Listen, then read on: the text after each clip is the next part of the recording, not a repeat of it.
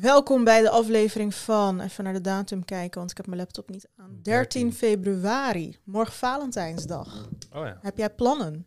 Nee joh. Zelfs ik heb plannen en ik heb niet eens een vriend.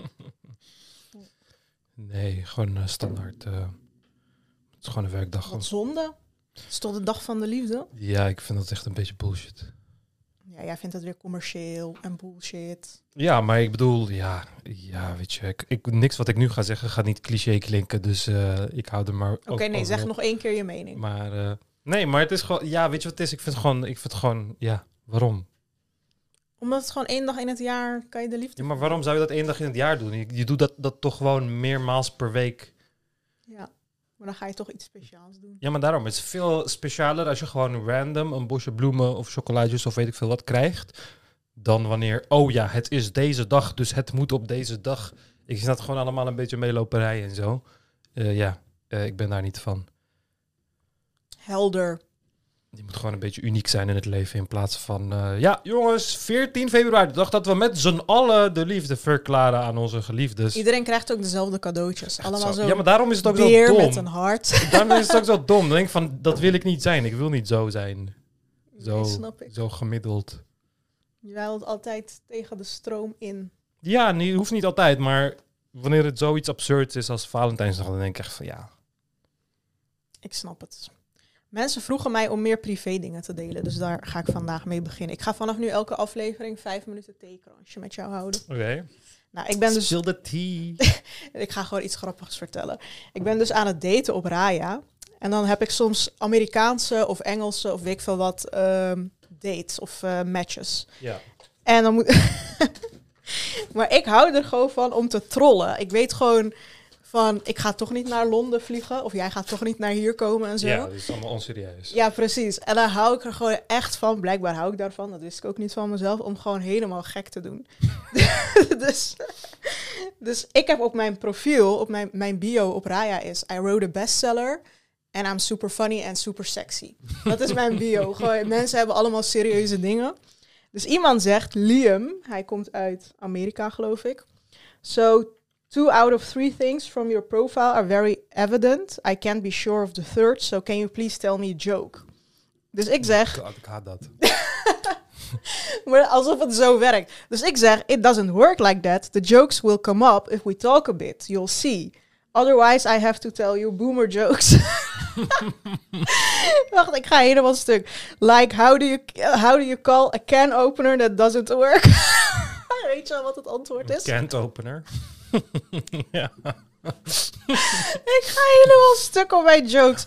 En dan zeg ik nog, I'm already ashamed that I said this. En dan zegt hij, don't worry, you're in a safe space, even though the, sh- the joke should be in the hall of shame. Ehm, en ja, zo gaan we dus verder. Maar ik, ik vind het gewoon helemaal leuk om te trollen. ja, ik haat als mensen zeggen van, oh, vertel dan een grap. Zelfs comedians haten dat. Dat comedians dan tegen iemand zeggen van, ja, ik ben comedian. Ja. Dan zeggen ze, ja, doe eens grappig. ja, doe eens grappig. alsof je even de clown gaat uithangen. ja. Ja, nee, dat soort, eh, dat soort gesprekken. Ja, ik ben helemaal in mijn datingsfase, dus ik zit daar gewoon van te genieten. En voor de rest ben ik super druk met mijn boek nog steeds. Dus dat is het enige wat ik doe, daten en schrijven. En is er een beetje verschil tussen Raya en die andere apps? Ja, heel veel verschil. Op Raya is gewoon, ja, daar zitten gewoon geen tokkies, geen Mongolen, geen domme mensen. Iedereen is vrij, succesvol op de een of andere manier. Eh, je komt Ja. alle BN'ers tegen, maar ook gewoon allemaal bekende mensen uit Engeland, Amerika. Dus dat is wel echt leuk van die app. Ah, ja. Alleen, ehm, wat dus een nadeel is, is dat de meeste matches niet in Nederland zijn. Dus ja, dan moet je soort Oh, van... damn. Ja, Ja, dan hier moet is je, de pool sowieso klein waarschijnlijk qua Raya. ja, het hangt er natuurlijk af hoeveel mensen jij naar rechts swipet en zij jou. Maar dat blijkbaar vind ik buitenlandse mensen leuker of zo. Tot nu toe. Maar ik heb wel ook een, ehm, ook een paar matches in Nederland hoor. Daar ga ik ook nog mee op date. Maar ja, ik vind het gewoon helemaal leuk. En die andere apps, ja, dat zijn gewoon, ja, dan kom je gewoon vaak ook Mongolen tegen, zeg maar. Ja. Dus eh, we gaan het zien wat het brengt. Oh ja, ik heb deze aflevering voor de verandering geen laptop eh, voor me aan. Ik wil het even proberen zonder laptop. Want anders is dat hele beeld voor mij steeds zo die laptop. Oh ja. Dat vind ik best wel irritant. Kijk, ik, ik zag dit laatst. Dit is de, de Tinder-ding van een 22-jarige man. Dan kun je Tinder Insights downloaden. Dus dan heeft hij 29.796 keer geswiped. Ja. eh, waarvan 12.000 links, 17.000 rechts. Wow, dat is niet echt... Nou, ja, dat, hij is niet echt kieskeurig. Had hij Nee. 358 matches. Dus van 30.000 keer swipen 358 matches. Daaruit kwamen 137 chats. Daaruit kwamen 12 dates. Mhm. En daaraan, daaruit kwam vier keer seks. Vier Mm. keer casual seks. Dus 30.000 keer swipen. En in hoeveel tijd is dit? Seks. Dit is een jaar. Nee, twee Two jaar. years. Oh, bijna drie Ah. jaar. Tweeënhalf Oh, jaar. Echt Dan is hij sowieso heel lelijk. Kan Nee, maar bij, de, bij veel mannen is dat zo. Nee, er dat zijn echt geloof ik niet. Veel van die. ehm, er zijn echt veel van die. ehm, the, the absolute brutal truth of, about being on Tinder as an average guy versus Ja, a maar girl. Ja, average guy. Ja, maar wat is een average guy? Ja, maar bij, bij een meisje, kijk, de meeste meisjes, alle meisjes, alle meisjes zullen gewoon matches krijgen. Ik heb meermaals van jongens gehoord dat ze gewoon geen matches krijgen. Gewoon geen matches krijgen. Of je bent fucking lang bezig en je krijgt maar... Kijk, deze persoon, deze jongen heeft 35.000 keer geswiped. 81 matches. De- dit meisje heeft 93.000 keer eh, ges- geswiped. 2000 matches. 2000 matches. Ze, ze krijgt een match met 35% van de mannen die ze swipet. En dat is gewoon ook een average woman dan.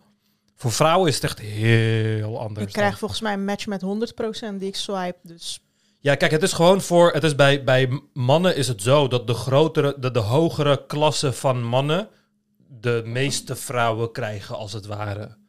En bij meiden is dat niet echt zo. Bij meiden kan Ja. iedereen kan gewoon dik krijgen, maar bij, bij mannen moet je gewoon minimaal. Oh ja, daar zijn. heeft Andrew Tate zo'n piramide of zo. Ik, ik zag een keer zo'n Zit ik nu Andrew Tate retoriek te, Ja. te verspreiden van... ehm, ik weet, ik kan het niet meer napraten, maar... Iets van eh 1% of the men get 90% of the women of zo. ja, zulke dingen inderdaad. En Ja. dat de top, de top men, die krijgt zeg maar alle vrouwen. Van, eh, dus als een vrouw een 5 is tot en met een vrouw die 10 is, die krijgt allemaal de top Mhm. men, welke ze maar ook willen. En, ehm, maar de, de man die zeg maar onder de 8 is, die krijgt dan weer niet een vrouw die een 6 is. Want die vrouw die een 6 is, die Ja. krijgt ook een man die een 8 is. ja, of ja, zoiets. zoiets. Ja. Dat er dus zeg maar zo'n eh, scheefheid Ja, kijk, i- i- ontstaat. in, op het gebied van, van de relatie zal dat wel verschillen. Maar op het gebied van casual seks, dat is echt voornamelijk gebaseerd op uiterlijk. Dus dan is het ook heel normaal, omdat mannen gewoon, ja, die willen gewoon allemaal een, eh, ja, een achtballen als het ware. Maar ja, Mhm. al die meiden, die, die hebben zoveel aanbod. Die hebben zoveel fucking aanbod. Dus dan kun je daar gewoon heel, heel, ehm, ja. Ja. ze zeiden ook van als jij als meisje een eh, zes bent, dan word je ook versierd door een man die acht is, want het boeit hun in toch tijden niet van schaarste. Zo. Ja, precies. Of Ja. als ze je toevallig in de club tegenkomen Ja, of een ja. beetje dronken zijn of ik veel wat en het is donker en eh, Mhm. dan kan je en daardoor gaan die meisjes die een zes zijn eindigen zo vaak met een man die een acht is dat ze denken dat ze zelf ook misschien een acht zijn daardoor. Ja. En als ze dan willen settelen, moeten ze eigenlijk dus voor die man die ook een 6 is. Maar dan denken ze dat ze een 7 of een 8 kunnen krijgen. En zo gaat dat een beetje door of zo. Dat was een beetje de clue. Maar oké.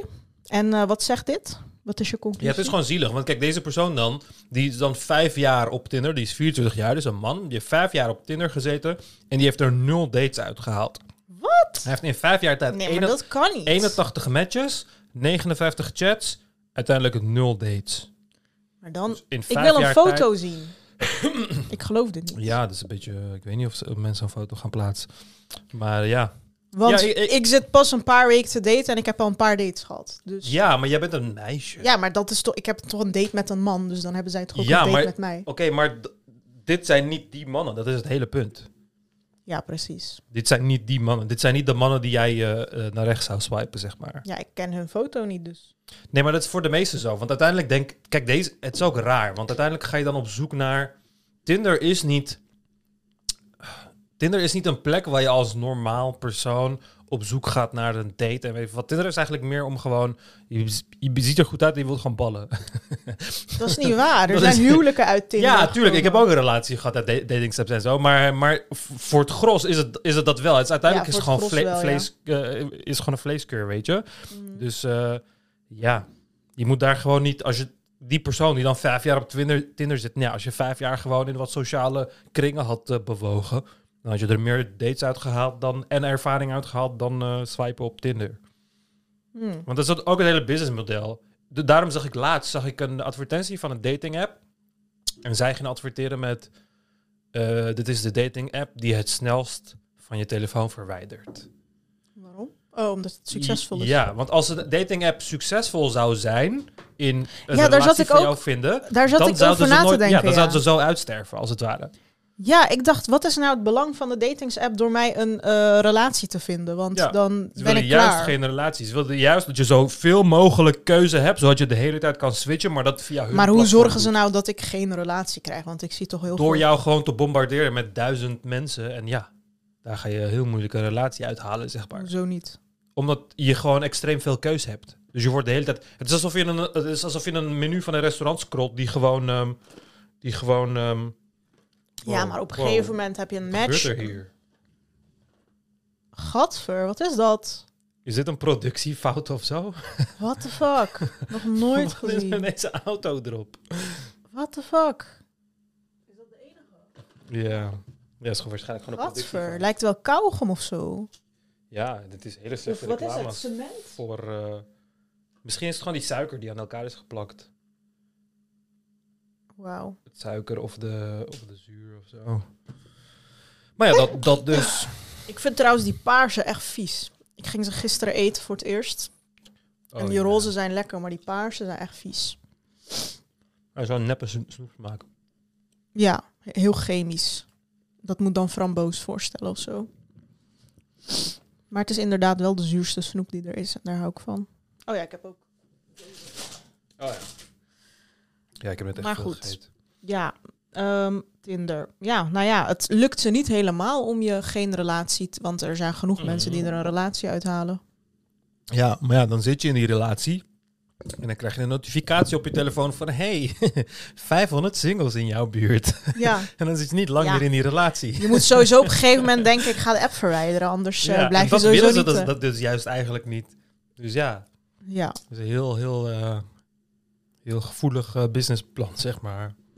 Ja, maar sowieso. Hier zijn trouwens heel veel podcasts en boeken over en zo. Dat in Mhm. deze tijd eh, is liefde helemaal veranderd vergeleken met 20 jaar terug door datingsapps. Want het geeft jou de illusion dat je alter alternatives hebt. Ja, Waar, eh, of de illusion. want iedereen wilt je, je weet hebt je? ook ga- Ik bedoel, als je die app maar- opent en je hebt 100 matches in die app en je hebt net een vriendin en ze zeurt tegen je hoofd Ja, en denk precies. van, hmm, hier zeurt er één tegen mijn hoofd, maar in Ja. die app heb ik er nog 100 op reserve liggen.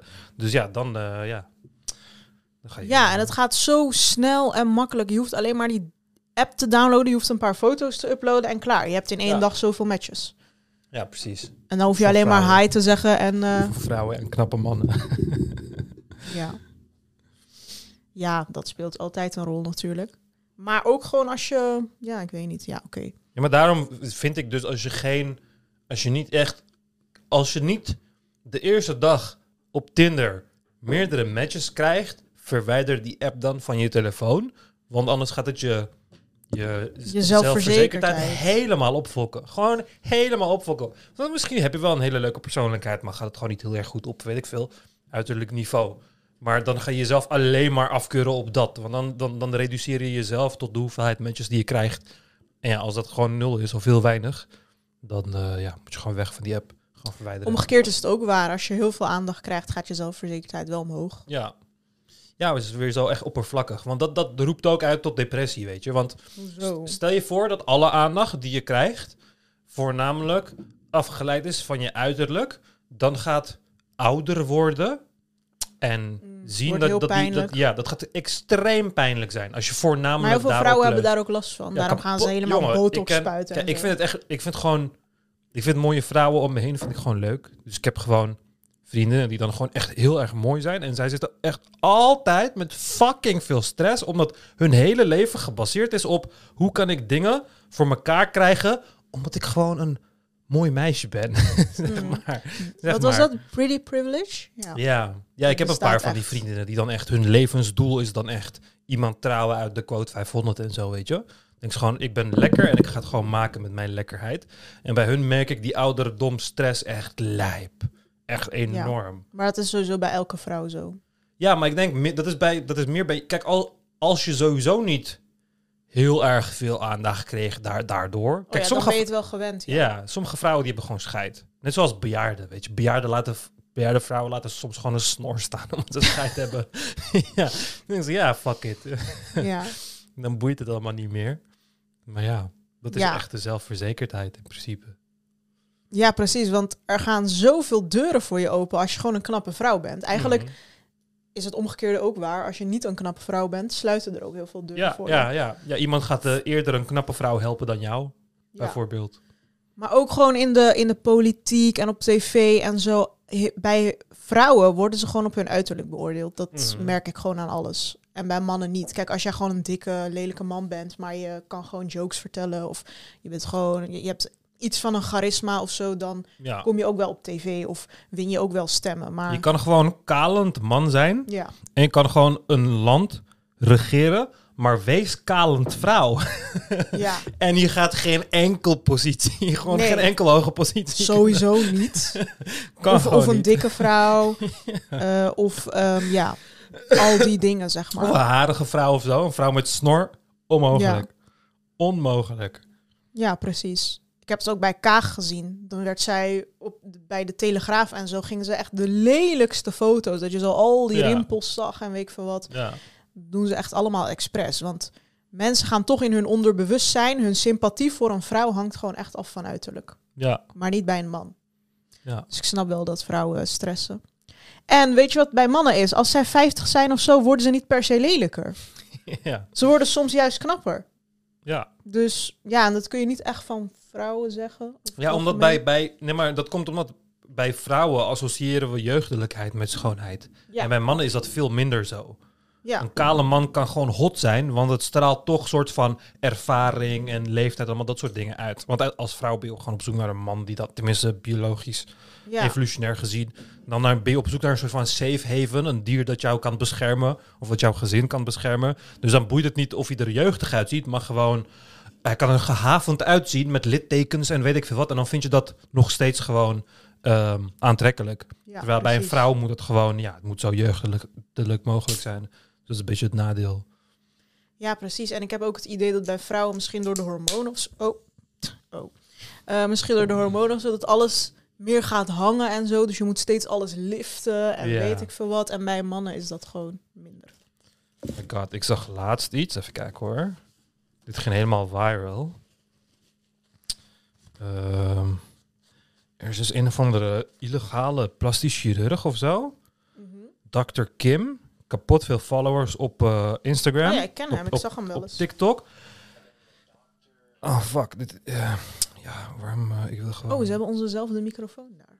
Ja, heel veel mensen hebben deze. Ehm, is dit hem? Nee. Ja, ik kan het origineel niet vinden. Maar die doet dan allemaal facelifts bij oudere mensen. Ja, en dan verandert hun hele gezicht. Ik zag Ja, dat. ja kijk, deze oude- hij lijkt gewoon op een alien uiteindelijk. Kijk hoe erg. Wat? Ja, dus wat ze doen is, is ze snijden je gezicht. Kijk, je ziet de litteken hier bij zijn voorhoofd, bij zijn haarlijn. Ze snijden je gezicht tot aan je oren zo. En dan trekken ze gewoon je huid strak. Maar kijk hoe dit eruit ziet. Dit is toch, Maar dit is gewoon mislukt. Dit is toch echt lijp? Ik zag ook een vrouw in Turkije die helemaal knapper was geworden. Z- Ja, die, die had ik ook gezien inderdaad. Ja, het kan wel. Je kan een facelift mooi maken, maar... je Ja, maar dit dat- is heel overdreven of zo. Je ziet echt dat heel erg... eh, Ja, gadver, ja, ze, kan- is ze lijkt gewoon niet meer op een mens. Nee, maar dit is op- gewoon niet mooi.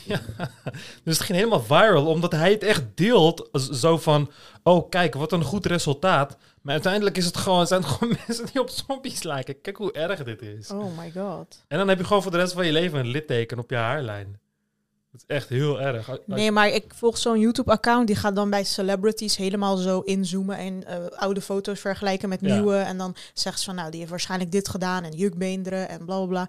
En eh, bij 90% van de gevallen zegt ze facelift en het is altijd beter. Ja, ja. Dus ja sowieso. Als je het eh, door een professional laat doen, die weet het wel wat ze moeten doen en hoe ver ze kunnen gaan. ja, maar ook. deze dokter Kim. dit is gewoon een, eh, dit is blijkbaar gewoon een Chinees die dat foto's gebruikt. van ja, het zijn ook anders. allemaal Aziaten. Ja, maar in Zuid-Korea, omdat het daar heel erg bekend is, plastische chirurgie en kwalitatief, is het gewoon een Chinees die doet alsof hij Zuid-Koreaan is. Ik had zo'n hele Mm. exposé gelezen.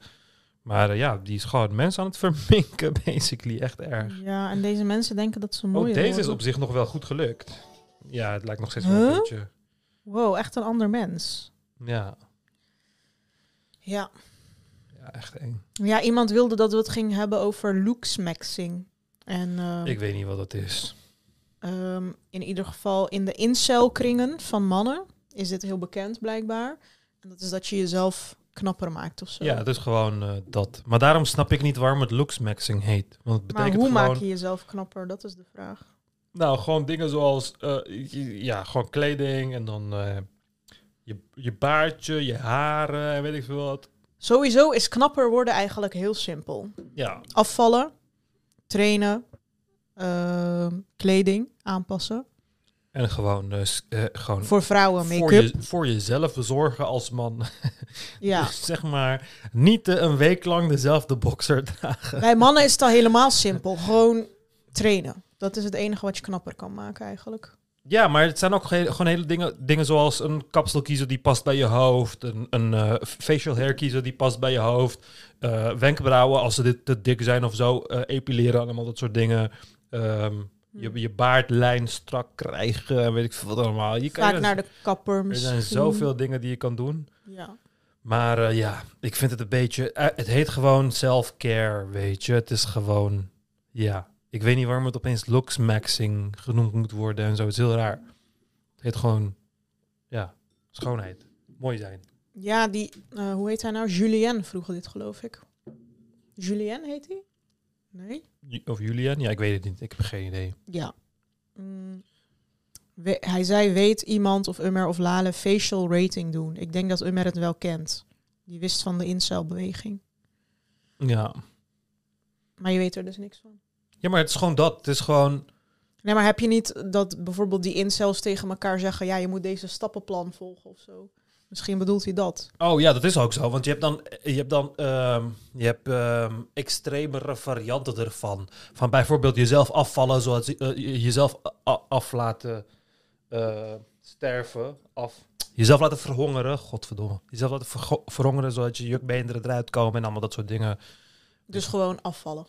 Ja, het is gewoon, dit is gewoon hetzelfde als, als al die meiden die dan fucking anorexia krijgen omdat ze zichzelf lelijk vonden en weet ik veel wat. Of, die, eh, of gewoon normale meiden die willen doen aan, aan, aan skincare en eh, eh, zorgen voor je haar en weet ik veel wat, zodat je er beter uitziet. Want het is hetzelfde. Je kan als meisje gewoon een sloeber leven hebben en gewoon niks doen in je haar en je haar gewoon in een staart zetten elke dag zo. En dan één keer per week je haar wassen en dan Mhm. gewoon saaie kleding aan en weet ik veel wat allemaal. Ja.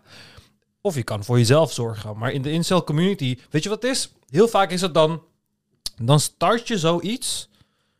Dit, ja, ik weet echt niet hoe ik deze verbinding nu ga leggen. Maar dit is een beetje net als ehm, tijdens de antivax, tij- tijdens de vaccinatieding, zei de antivaxers van, hé, hey, maar kunnen we niet gewoon corona pakken en dan een beetje afzwakken en dan in ons zetten, inhaleren, zodat we dan immuun worden zonder ziek te worden. Dus dan kom je op het idee van vaccinaties, terwijl je wegrennen van vaccinaties, zeg maar. Oké? En dat gebeurt hier dan ook. Want dan zit je in de incel community en dan denk je van, oké, we hebben problemen, incel, mensen willen ons niet ballen en weet ik veel wat allemaal. Hoe kan je kansen dat mensen jou willen ballen ehm, verhogen?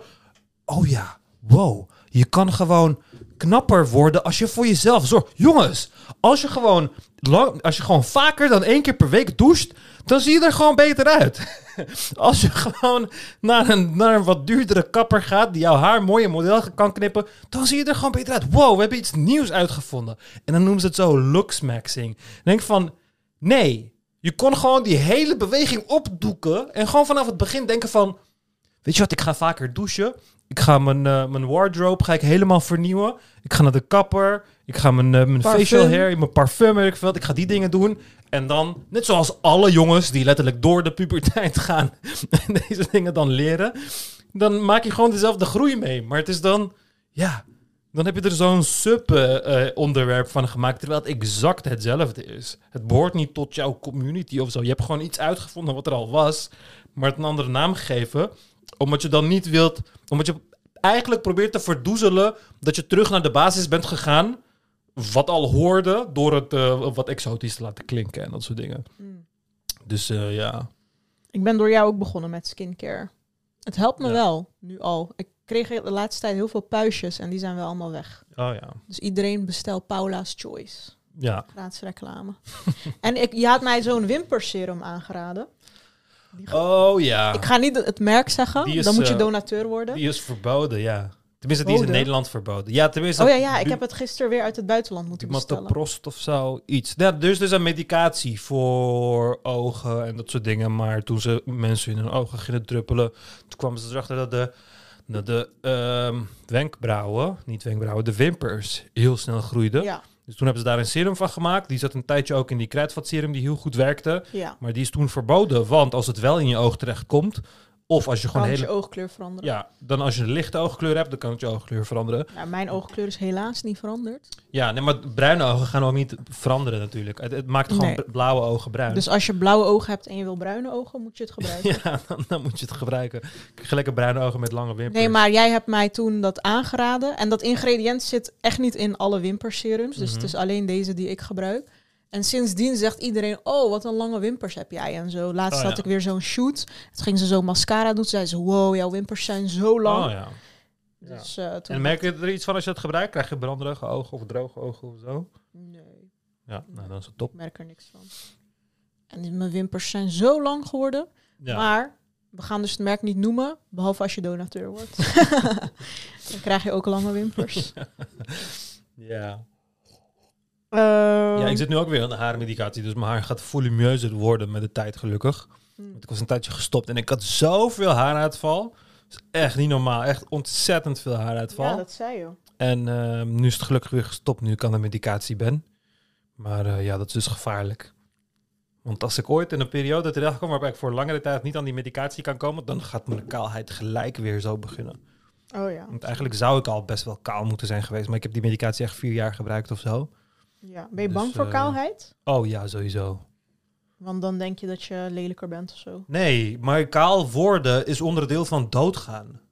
Oh, zo. Ja, het is gewoon, het is mijn nee, lichaam. sommigen worden op hun achttiende kaal. Ja, ja, precies. precies. Het, is niet, het Fucking betekent eng. toch alleen maar dat je veel testosteron hebt? Nee, nee, nee. Het, het heeft, het ik heeft... hoor altijd, ik heb dit in een podcast gehoord, kale mannen schijnen het geilste te zijn, omdat eh, eh, hun testosteron dan hoog is of Nee. zo. Nee, ik kan het op, zoeken, op zich wel opzoeken hoor. Even kijken. Zijn daar studies Wat over? is- Ja, want kijk, testosteron zorgt voor kaalheid. Dat is 100% zo. Het eerste ding is ook mythe. Maar eh, de eerste resultaat is ook mythe. Maar eh, het, het probleem is... In mijn lichaam, ik heb een bepaalde limiet van, van androgene receptoren in mijn hoofdhuid. Waar, eh, laten we zeggen, 200 nanogram testosteron zorgt voor kaalheid bij mij. En dan zijn er andere mensen bij wie 200 nanogram testosteron niet voor kaalheid zorgt. Dus we hebben Oh, dezelfde testosteron, maar bij Ah. iedereen is het de limiet hoger. Dus het is testosteron die zorgt voor kaalheid, maar bij sommige mensen zorgt het voor kaalheid met fucking laag testosteron. En bij sommige mensen zorgt het voor kaalheid met fucking hoog testosteron. Dus wanneer je anabolen gaat gebruiken, dus dan gebruik je pure testosteron, spuit je dan in. Bij veel mensen eh, die raken dan gewoon een hele haarlijn kwijt. En andere mensen behouden gewoon hun haarlijn terwijl, of hun haren, terwijl ze gewoon de testosteronniveaus hebben van 10 mannen of zo. Dus Ja. het, is, het is veel genuanceerder dan dat, maar daarom kun je het niet zo, niet zo simpel. eh, Ja, doen, sommige maar. mannen hebben zoveel haar tot aan het eind van hun leven. Dat is echt bizar. Ja, het is bij iedereen, het is bij iedereen eh, anders. Dus, ehm, dus Je had die eh, Turkse acteur, Junaid of zo heet hij. Nou, die had zo'n bos haar. Echt niet normaal. Kijk, there are a lot of myths out there about balding men. One of them is that men with male pattern baldness are more uh, virile and have higher levels of testosterone. En dan zeg je, this isn't true en dat soort dingen. Dus Ah, eh, oké. het is gewoon een hele simplistische kijk naar hoe hormonen werken. Maar ehm, ja, want als ik aan deze eh, eh, ehm, ehm, medicatie zit, dan verminder ik gewoon de hoeveelheid van die stof die dan plakt aan je hoofdhuid, die je kaal maakt in principe. Mhm. Maar het zou ook veel gevoeliger kunnen zijn. Dus er zijn heel veel mensen die die medicatie nemen en dan stopt het niet.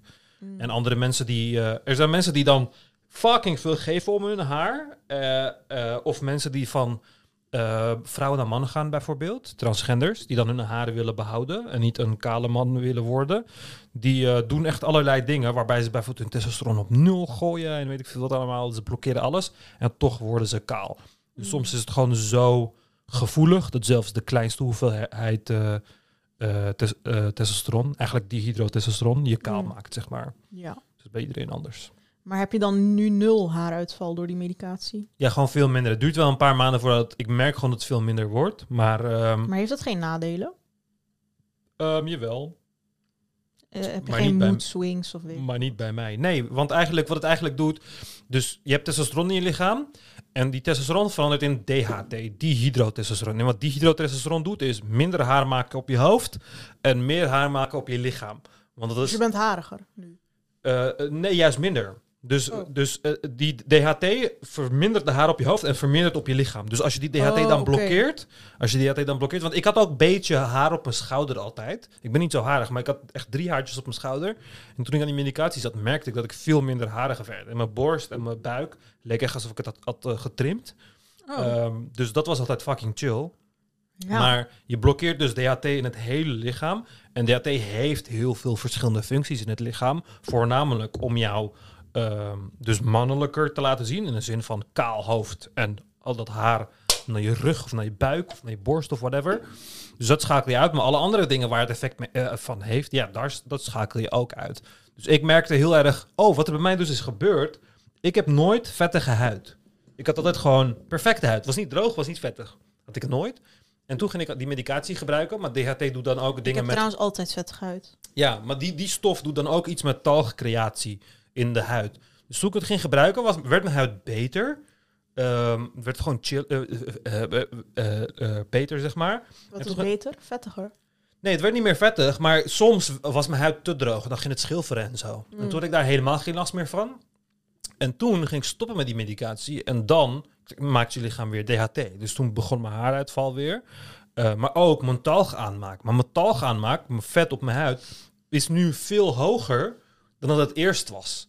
Dus het is anders geworden. Nu het is gereset, is het Is anders geworden. Nee, want ik voel, mijn huid voelt nu gewoon veel sneller vettiger aan. Tenminste, het, het is nu wel verminderd. Maar nu ik weer aan die medicatie zit, is het ook zo heel erg ehm, aan het minderen. Is het ook weer beter aan het worden. Maar eigenlijk is deze medicatie, waar ze deze medicatie eigenlijk voor gebruiken, is dat wanneer jij ouder bent, je bent 50 jaar, dan eh, gaat je prostaat groeien. En dan ehm, ehm, eh, ja, is dat gewoon niet goed voor je. Het is gewoon niet chill. Daarom moet je ook eh, vinger in de kont krijgen bij de dokter om de paar jaar als je op boven 50 bent, om dat te controleren. En dit, dit, deze medicatie houdt dan je prostaat klein door DHT in je lichaam te verminderen.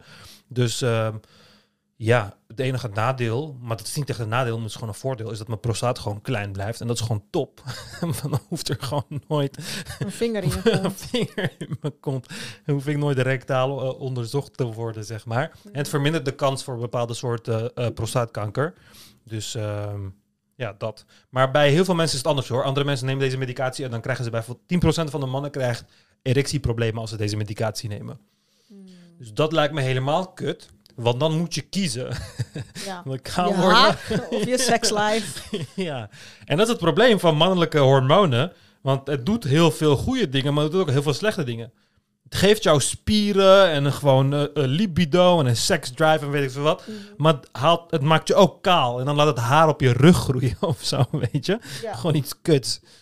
Dus eh, het is heel En lastig. vrouwen die hebben juist baat bij een beetje te veel testosteron. toch? Ja, ja, dan gaat je, je, je libido gaat ervan omhoog. Je krijgt ook meer eh, haar- weer haargroei over je lichaam en allemaal dat soort dingen. Maar het hoeft ook niet per se. Is al, is al Ja, maar haargroei kun je aanpakken. Ja, ja, Ik bedoel, ik laser nu.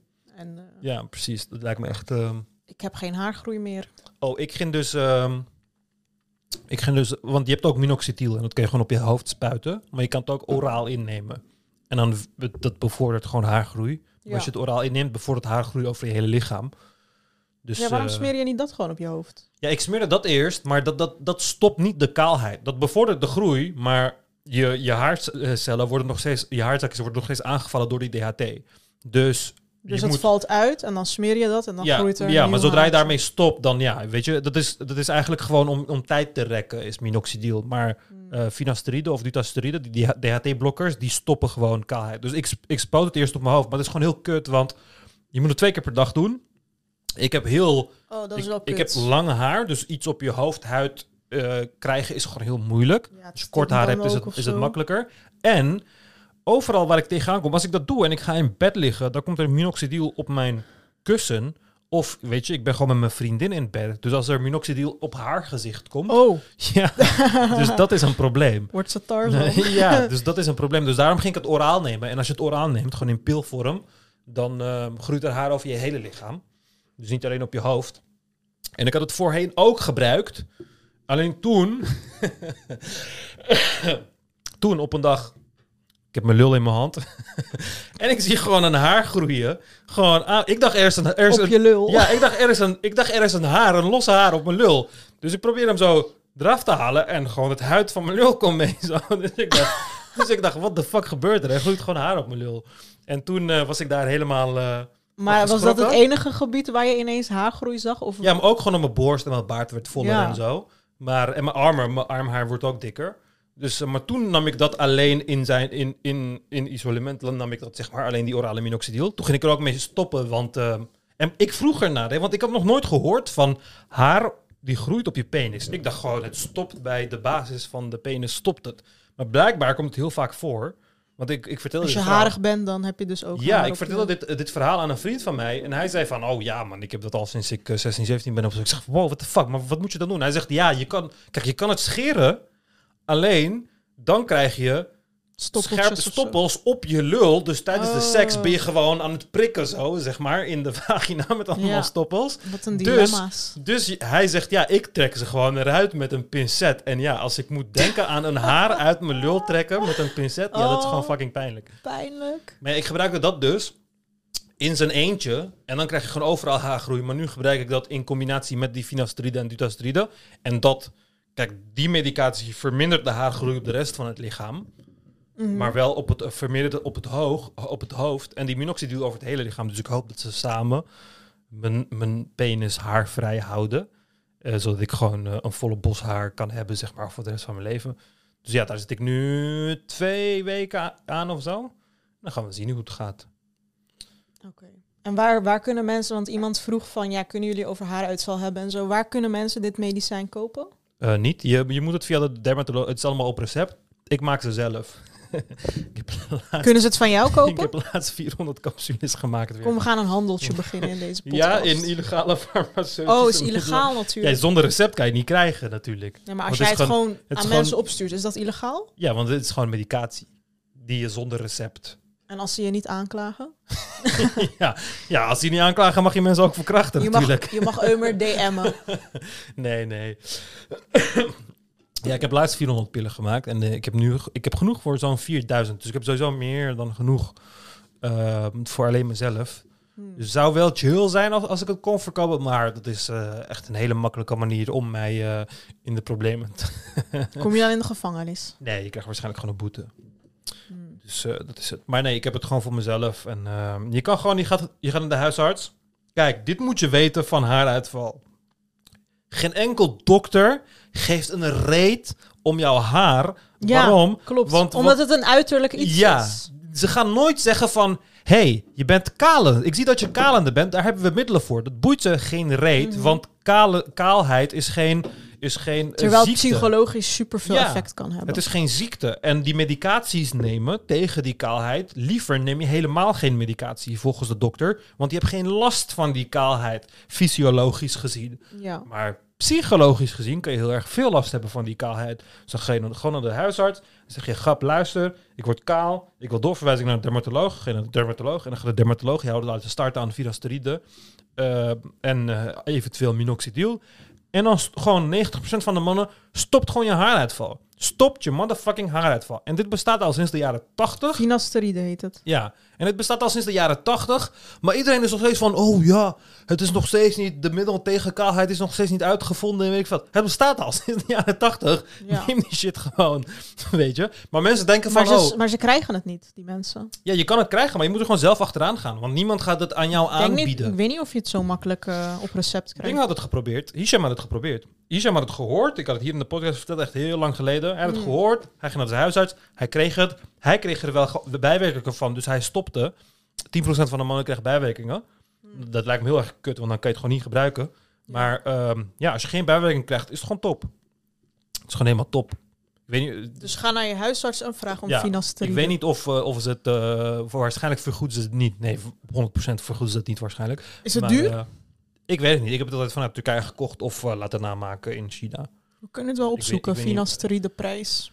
Ehm finasteride. 1 milligram propecia kosten voor 90 stuks, dus drie maanden, is 72 tot 134 euro. Dus Valt tussen, mee. de, Valt mee. tussen de 25 en 50, nee, 45 euro per maand.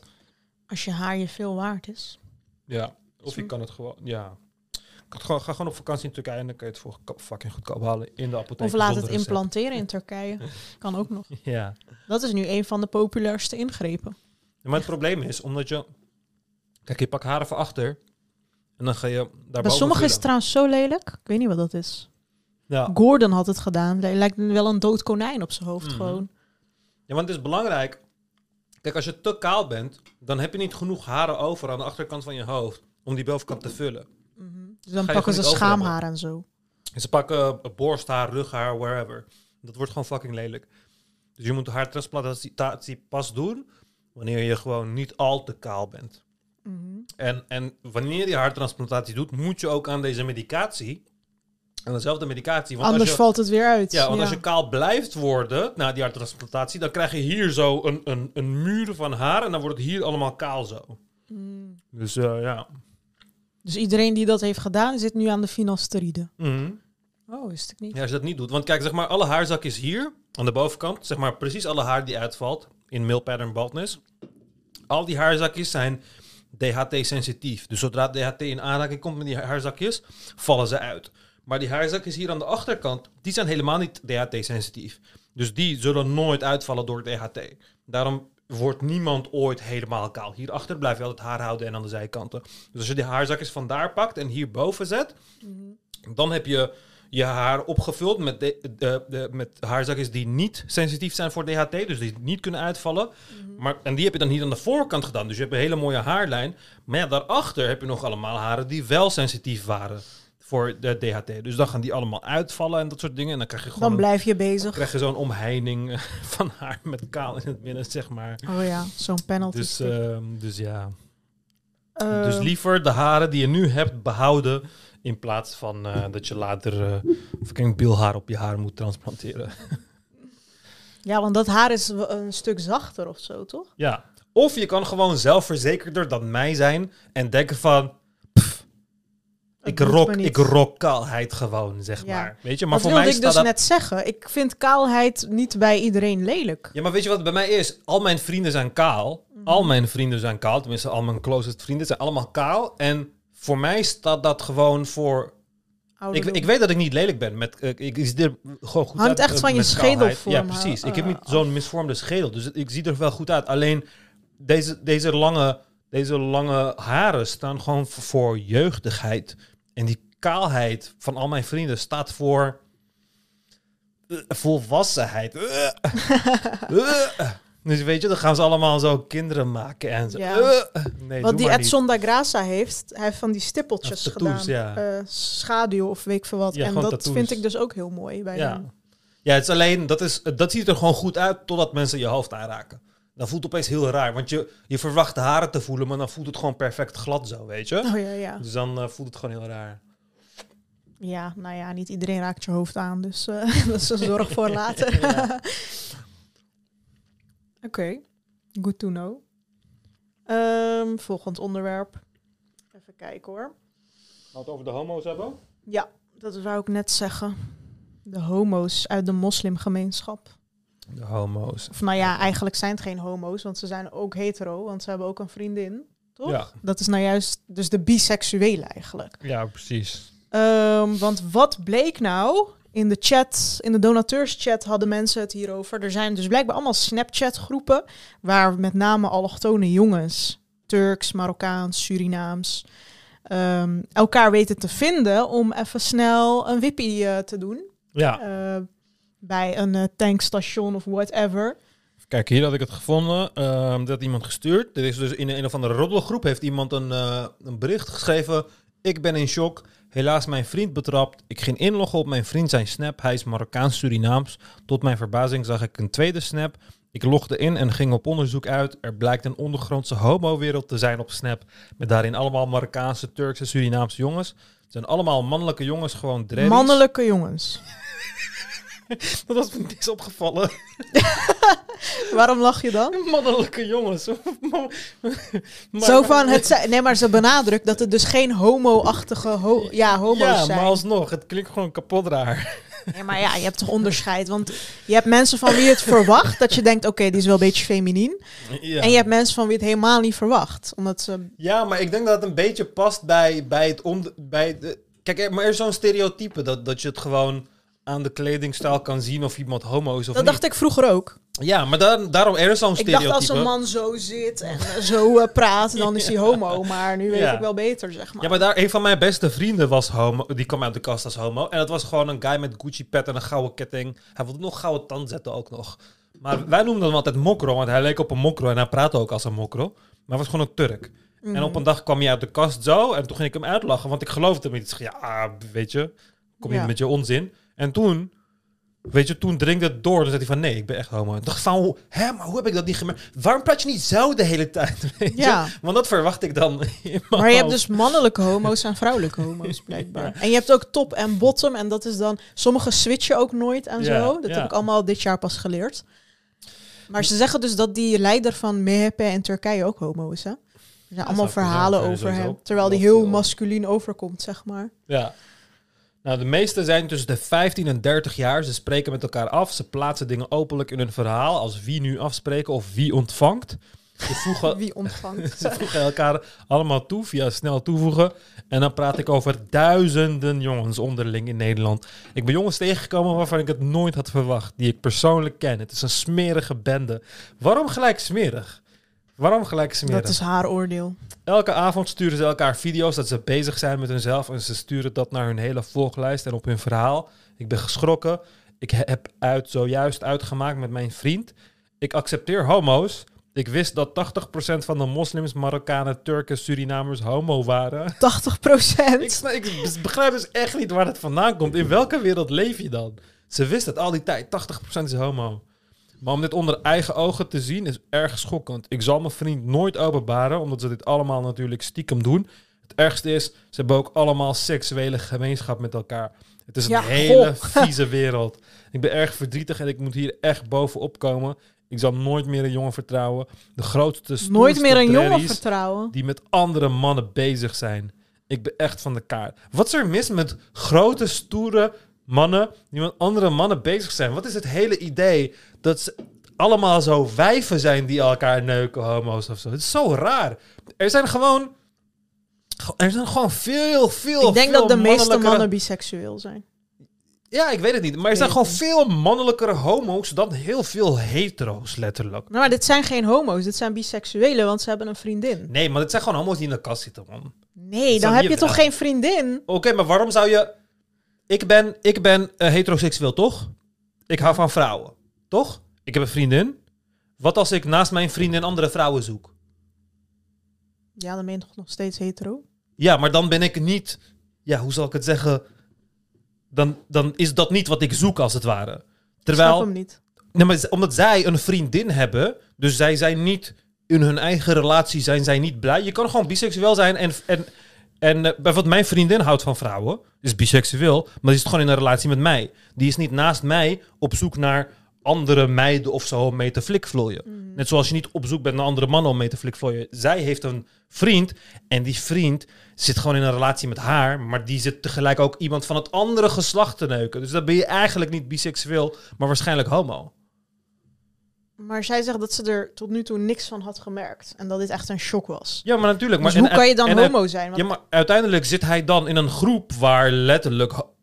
Want iedereen in die groep Mhm. is van hetzelfde kaliber, als het ware. Die Mhm. zitten allemaal, die doen alsof ze hetero zijn... en die zijn vervolgens homo. Omdat het hele idee van openbaar homo zou zijn van... nee, ik ben echt... Oh, diezelfde vriend van mij... het eerste wat hij zei was niet... Ik heb het toen, by the way, verteld, een van de eerste afleveringen. Die zei niet, ik ben homo, maar hij begon met, ik ben bi. Hij begon met, ik ben bi. Daar begon hij mee. Maar uiteindelijk kwam eruit dat hij homo was. Wie? En die, die vriend van mij, waar ik het net Oh, over ja? had. En dat is dus in al deze culturen is dat zo. Mhm. Omdat er neer wordt gekeken op homo zijnde. Het is hier zelf zo dat geven... Als je geeft, ben je geen homo, bijvoorbeeld. Ja, dat zijn Turkse Weet vriend je? van mij. Zegt, zegt hij van ja, in Turkije eh, vinden ze je geen homo als je neemt of zo. Nee, als je geeft, juist. Als iemand neukt. Ja, als je geeft. Ja, precies. Ja, ja, precies. Dus, maar daarom, omdat het zo'n verstikkende kijk is naar de homo-wereld, ik, ik ben er... De meeste homo-mannen in Nederland zijn gewoon homo. Die zijn niet bi. Dus het zou heel raar zijn als binnen de Maar allochtone... denk jij dat de homo-categorie groter is dan de categorie bi? Oh ja, 100%. Ja? Ja, ja. Is, percentueel gezien is altijd eh, homo's eh, groter Oh. dan bi. Ik dacht dat de meeste mensen gewoon bi waren.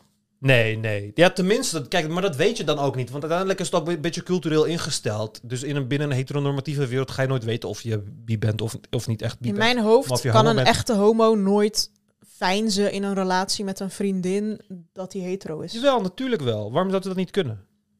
Omdat je het altijd wel zult merken of zo. Nee, Omdat joh. Waarom? Hoe? Bijvoorbeeld, in een normale relatie heb je bijvoorbeeld regelmatig seks. Maar als je homo bent, hoe wil je dan Die vriend, regelmatig seks vriend hebben van met mij, je- die uit de kast is gekomen als homo, heeft drie relaties gehad met meiden. Oké. En niemand heeft dat dan gemerkt. Want het zo moeilijk is het toch niet? Want je, moet Maar zo... hoe kan je dat regelmatig seks hebben met een vrouw als je homo bent? Je, kan gewoon seks hebben. Ik kan gewoon seks hebben met een man. maar dan voel je je toch daartoe ook aangetrokken? Anders kun je toch niet eh, elke dag seks hebben? Ja, maar je hoeft niet elke dag seks te Oké, hebben. Kijk, Drie al- keer per week. als een, als een, als een, ik ben niet aangetrokken tot mannen, toch? Nee. Toch?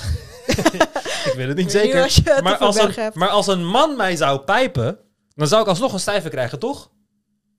Ja. Want het is gewoon stimulatie. Zoals Izzy, Izzy zei dat ooit. Izzy zei als, wat zei hij nou? Hij zei als de mond achter de glory hole ligt, dan maakt het niet uit of het mannelijk of vrouwelijk is.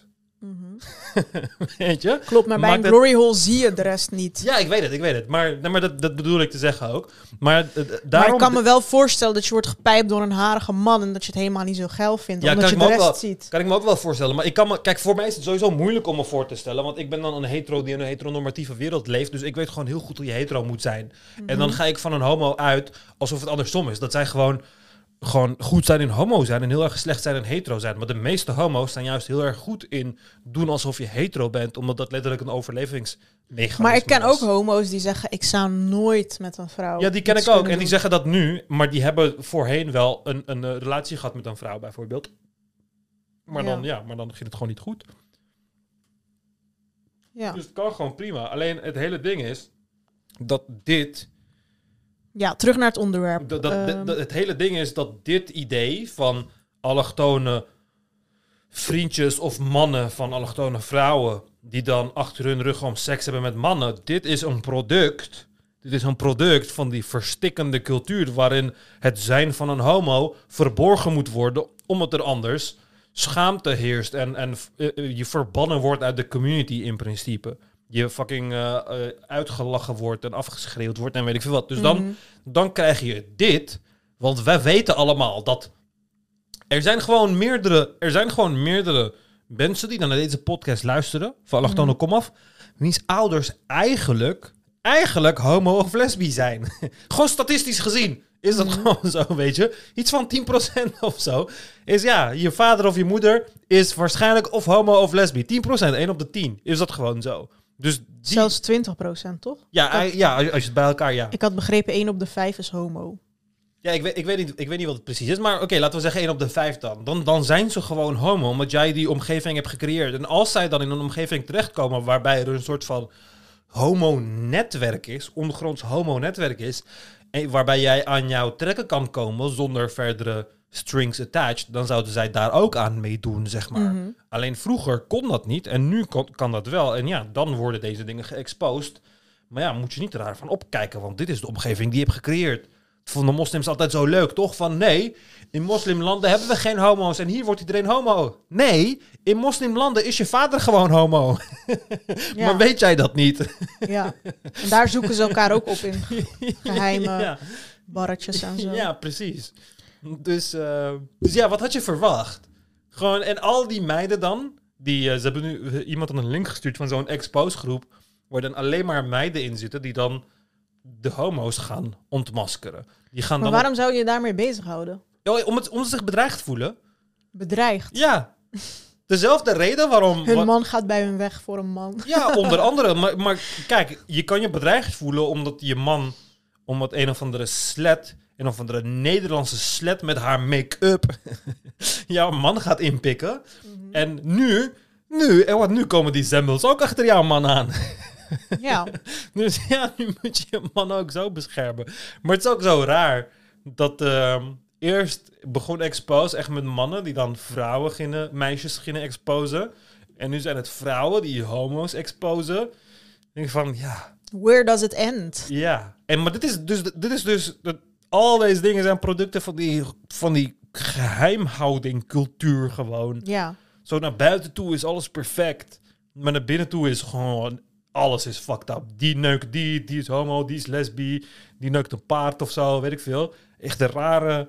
Maar waarom, als je zeg maar allochtoon en homo bent, zou je een vriendin nemen en dan ook nog eens de, community, hebben? om de community te behouden. Want maar het is. we leven nu in een tijd dat je ook wel gewoon heel lang eh, single kunt zijn, toch? Oh ja, ik ken. Ik ken. ehm, ik ken. ehm, Je kan gewoon zeggen, ja, ik heb de ware nog niet gevonden. Inshallah later. eh, ja, ik ken een Eh. oudere meneer die homo is. En die gewoon ervoor heeft gekozen om de hele tijd single te blijven. En gewoon letterlijk wacht tot zijn moeder dood is. Terwijl hij zelf al in de 50 is.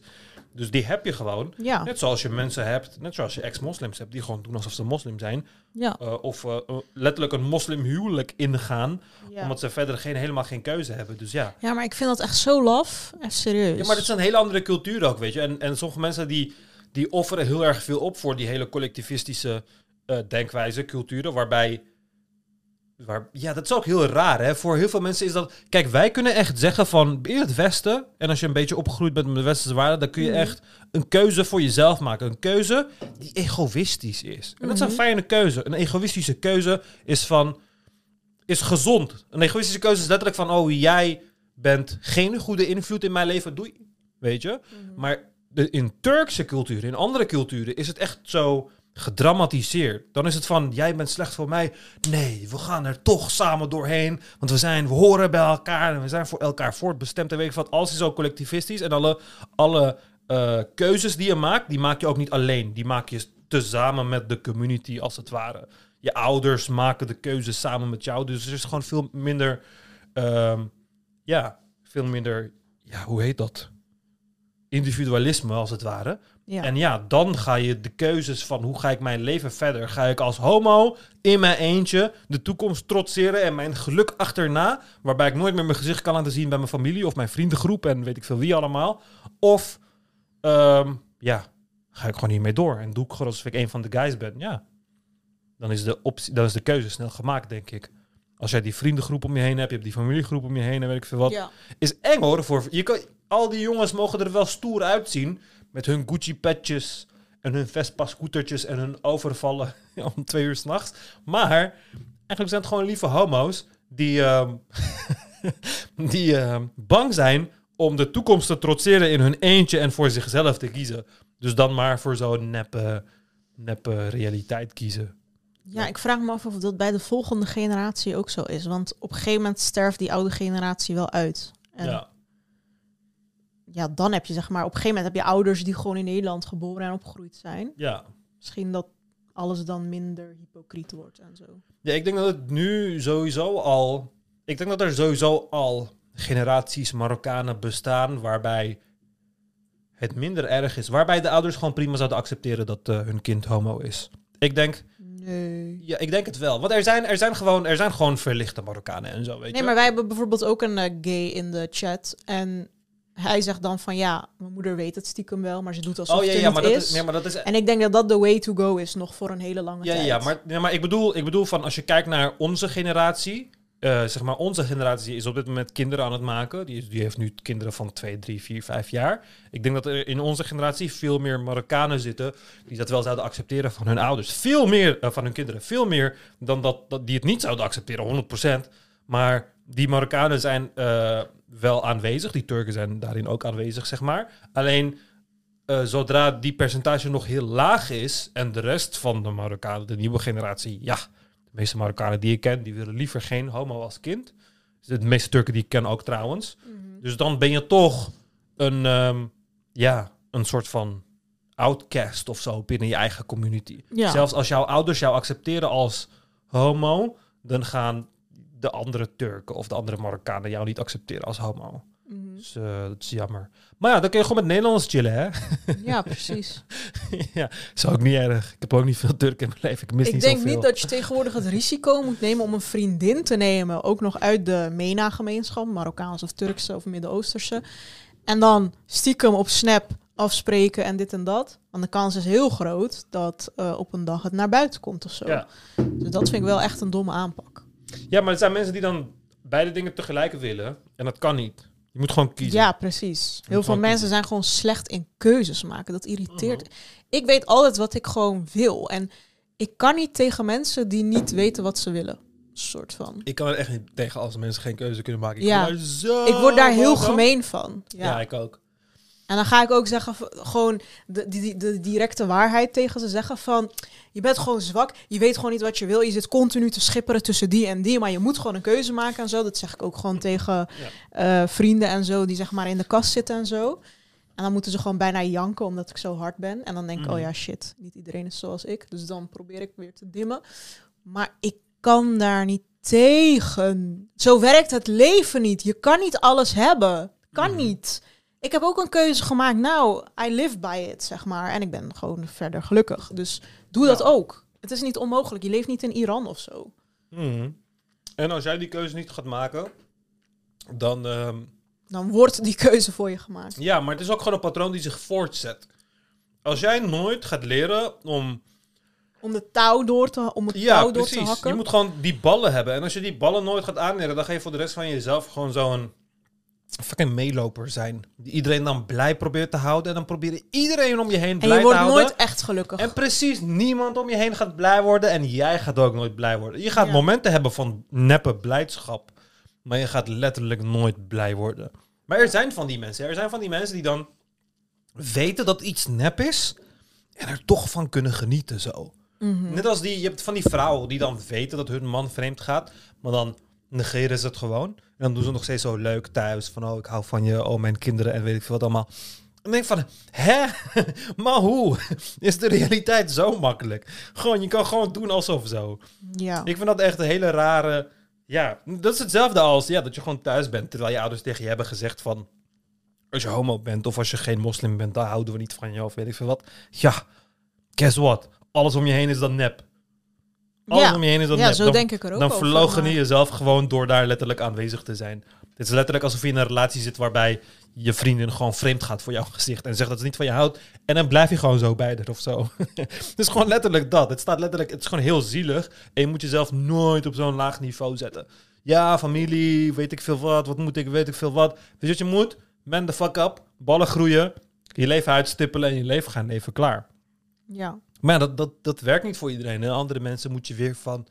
Nee, kom op, je kan het wel. En weet ik veel wat allemaal. Het is gewoon heel Nee, maar ze zijn ook bang. Dus ze weten niet eens of ze gelukkig gaan worden zonder familie. Ja maar, ja, maar weet je wat ik me altijd afvraag? Dan zeggen mensen van... Ja, maar ik ben bang. Of ik vind het spannend. Of ik weet het niet. En dan denk ik van... Wie heeft ooit een keuze gemaakt door te weten wat er gaat gebeuren daarna? Nee, Wie? precies. Je moet Wie af en toe gewoon impulsief zijn. Ja, je kan niet... Dat, want dan zeg je tegen jezelf van... Ik ga pas een keuze maken wanneer ik gegarandeerd zeker weet... Ja, hoe dat gaat uitstippelen het voor de komende niet. 20 Nee. jaar. Maar dat kan helemaal niet. Het kan helemaal niet. Het enige wat jij weet is... Er gaan nieuwe dingen komen. Er gaan nieuwe dingen komen. En ja, en als, als, als, als het iets, eh, als er tegenslagen zijn, ga je daar ook op de een of andere manier mee dealen, zeg Precies. maar. En daar moet je dan niet je door laten Ja. afremmen van, ja, maar wat als dit gebeurt? Ja, maar wat als ik eh, zonder familie depressief raak? Ja, Ja. maar wat als ik eh, financieel niet rondkom? Ja, maar wat als ik, eh, weet ik veel wat, eh, niet gelukkig word in mijn relatie en emotionele steun nodig heb? Dan denk ik, ja, als je, als je over alles zo gaat nadenken en alles zo helemaal kapot gaat Ja, rationaliseren, Precies, voor wat leef je dan? ja, je moet af en toe gewoon jezelf in het diepe gooien. En het is eng. En kijk, achteraf kan iedereen tegen jou zeggen van... oh, ik heb dit en dat gedaan. En dan klinkt het simpel voor jou. Het kan simpel voor jou klinken als ik vertel over hoe ik uit huis ben gegaan... of eh, dat Lale vertelt hoe ze uit huis is gegaan. Het kan allemaal simpel Het was klinken. niet simpel, maar maar, het, is, het klinkt net zo simpel als, weet ik veel, dat... eh, eh, dat Lale zegt van, oh ja, ik ga nu naar de gym of ik eet minder en weet ik veel wat. Alles klinkt simpel wanneer, het, wanneer iemand zo naar je vertelt. Nee. Maar die momenten waarbij het moeilijk was, waarbij er twijfels was, waarbij je dacht van, oh, gaat het wel goed komen of gaat het niet goed komen? En dat er allemaal dingen op jouw pad komen, die horen er allemaal bij. En zodra ze voorbij zijn, dan denk je er echt nooit meer aan. Nee, Dan denk je precies. er echt nooit meer aan. En Ja. zodra je dan op je eigen beide poten staat en jij bent, jij bent jij. Niet wat andere mensen in jouw familie over jou, jou denkt, ben jij. Maar jij bent jij. Wat jij doet, wat jij denkt en wat jij vindt. Dan ben je onverwoestbaar. Dan ben je onverwoestbaar en dan heb je eindelijk jezelf gevonden. In plaats van dat je je leven gaat leven voor fucking maloten, man. Fucking maloten. Even serieus. Ja, Als je zulke ouders hebt, geen enkel van jullie ouders verdient dat gewoon. Verdient het dat iemand zich zo gaat, gaat pijnigen voor hun. Letterlijk voor wat? Letterlijk Ja. voor wat? Ik had dus laatst eh, getraind met eh, de zus van een bekende influencer. Ik zal maar geen namen noemen.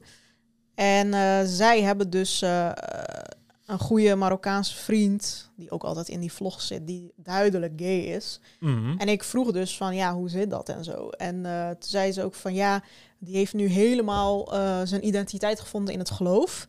En die liet ook zo zien van dat hij alleen maar geloofsfilmpjes ziet en zo, eh, stuurt en zo. En het alleen maar daarover heeft. En die heeft voor zichzelf gekozen om die, eh, ja, die homo, homo zijn eh, weg te Oh. denken, zeg maar. Oh, Terwijl die Oh. persoon echt al bijna 30 is of zo. En dan, waarom? en dan denk ik van, oké, weet je wel, die ziet het als een beproeving. Oh ja, dat zei ze. Ja. En dan denk ik van, hè, maar hoe denk je zo gelukkig te worden? Dus die zit de hele dag zo imamfilmpjes en zo te sturen. ja, omdat hij omdat anders gewoon denkt aan dik. In zijn hoofd, ja, om, in zijn hoofd denkt hij gewoon van... ik wil een fucking lekkere man op zijn bek pakken. Dat Ja. denkt hij in zijn hoofd. En dat mag hij denken. Net zoals wij dat allemaal denken, mag hij dat ook denken. Maar hij is gewoon helemaal geherspoeld in dat... het is een beproeving. Maar denk dan even na, wat voor gestoorde beproeving is dat? Dat er een god bestaat en dan stopt hij diks in je hoofd. Gewoon elk moment in een, een dag denk jij aan een andere guy zijn dik. Of zijn lippen, of zijn kont, of zijn weet ik veel wat. Wat voor beproeving is dat? Dat is geen beproeving. Dat betekent gewoon dat je mannen lekker vindt.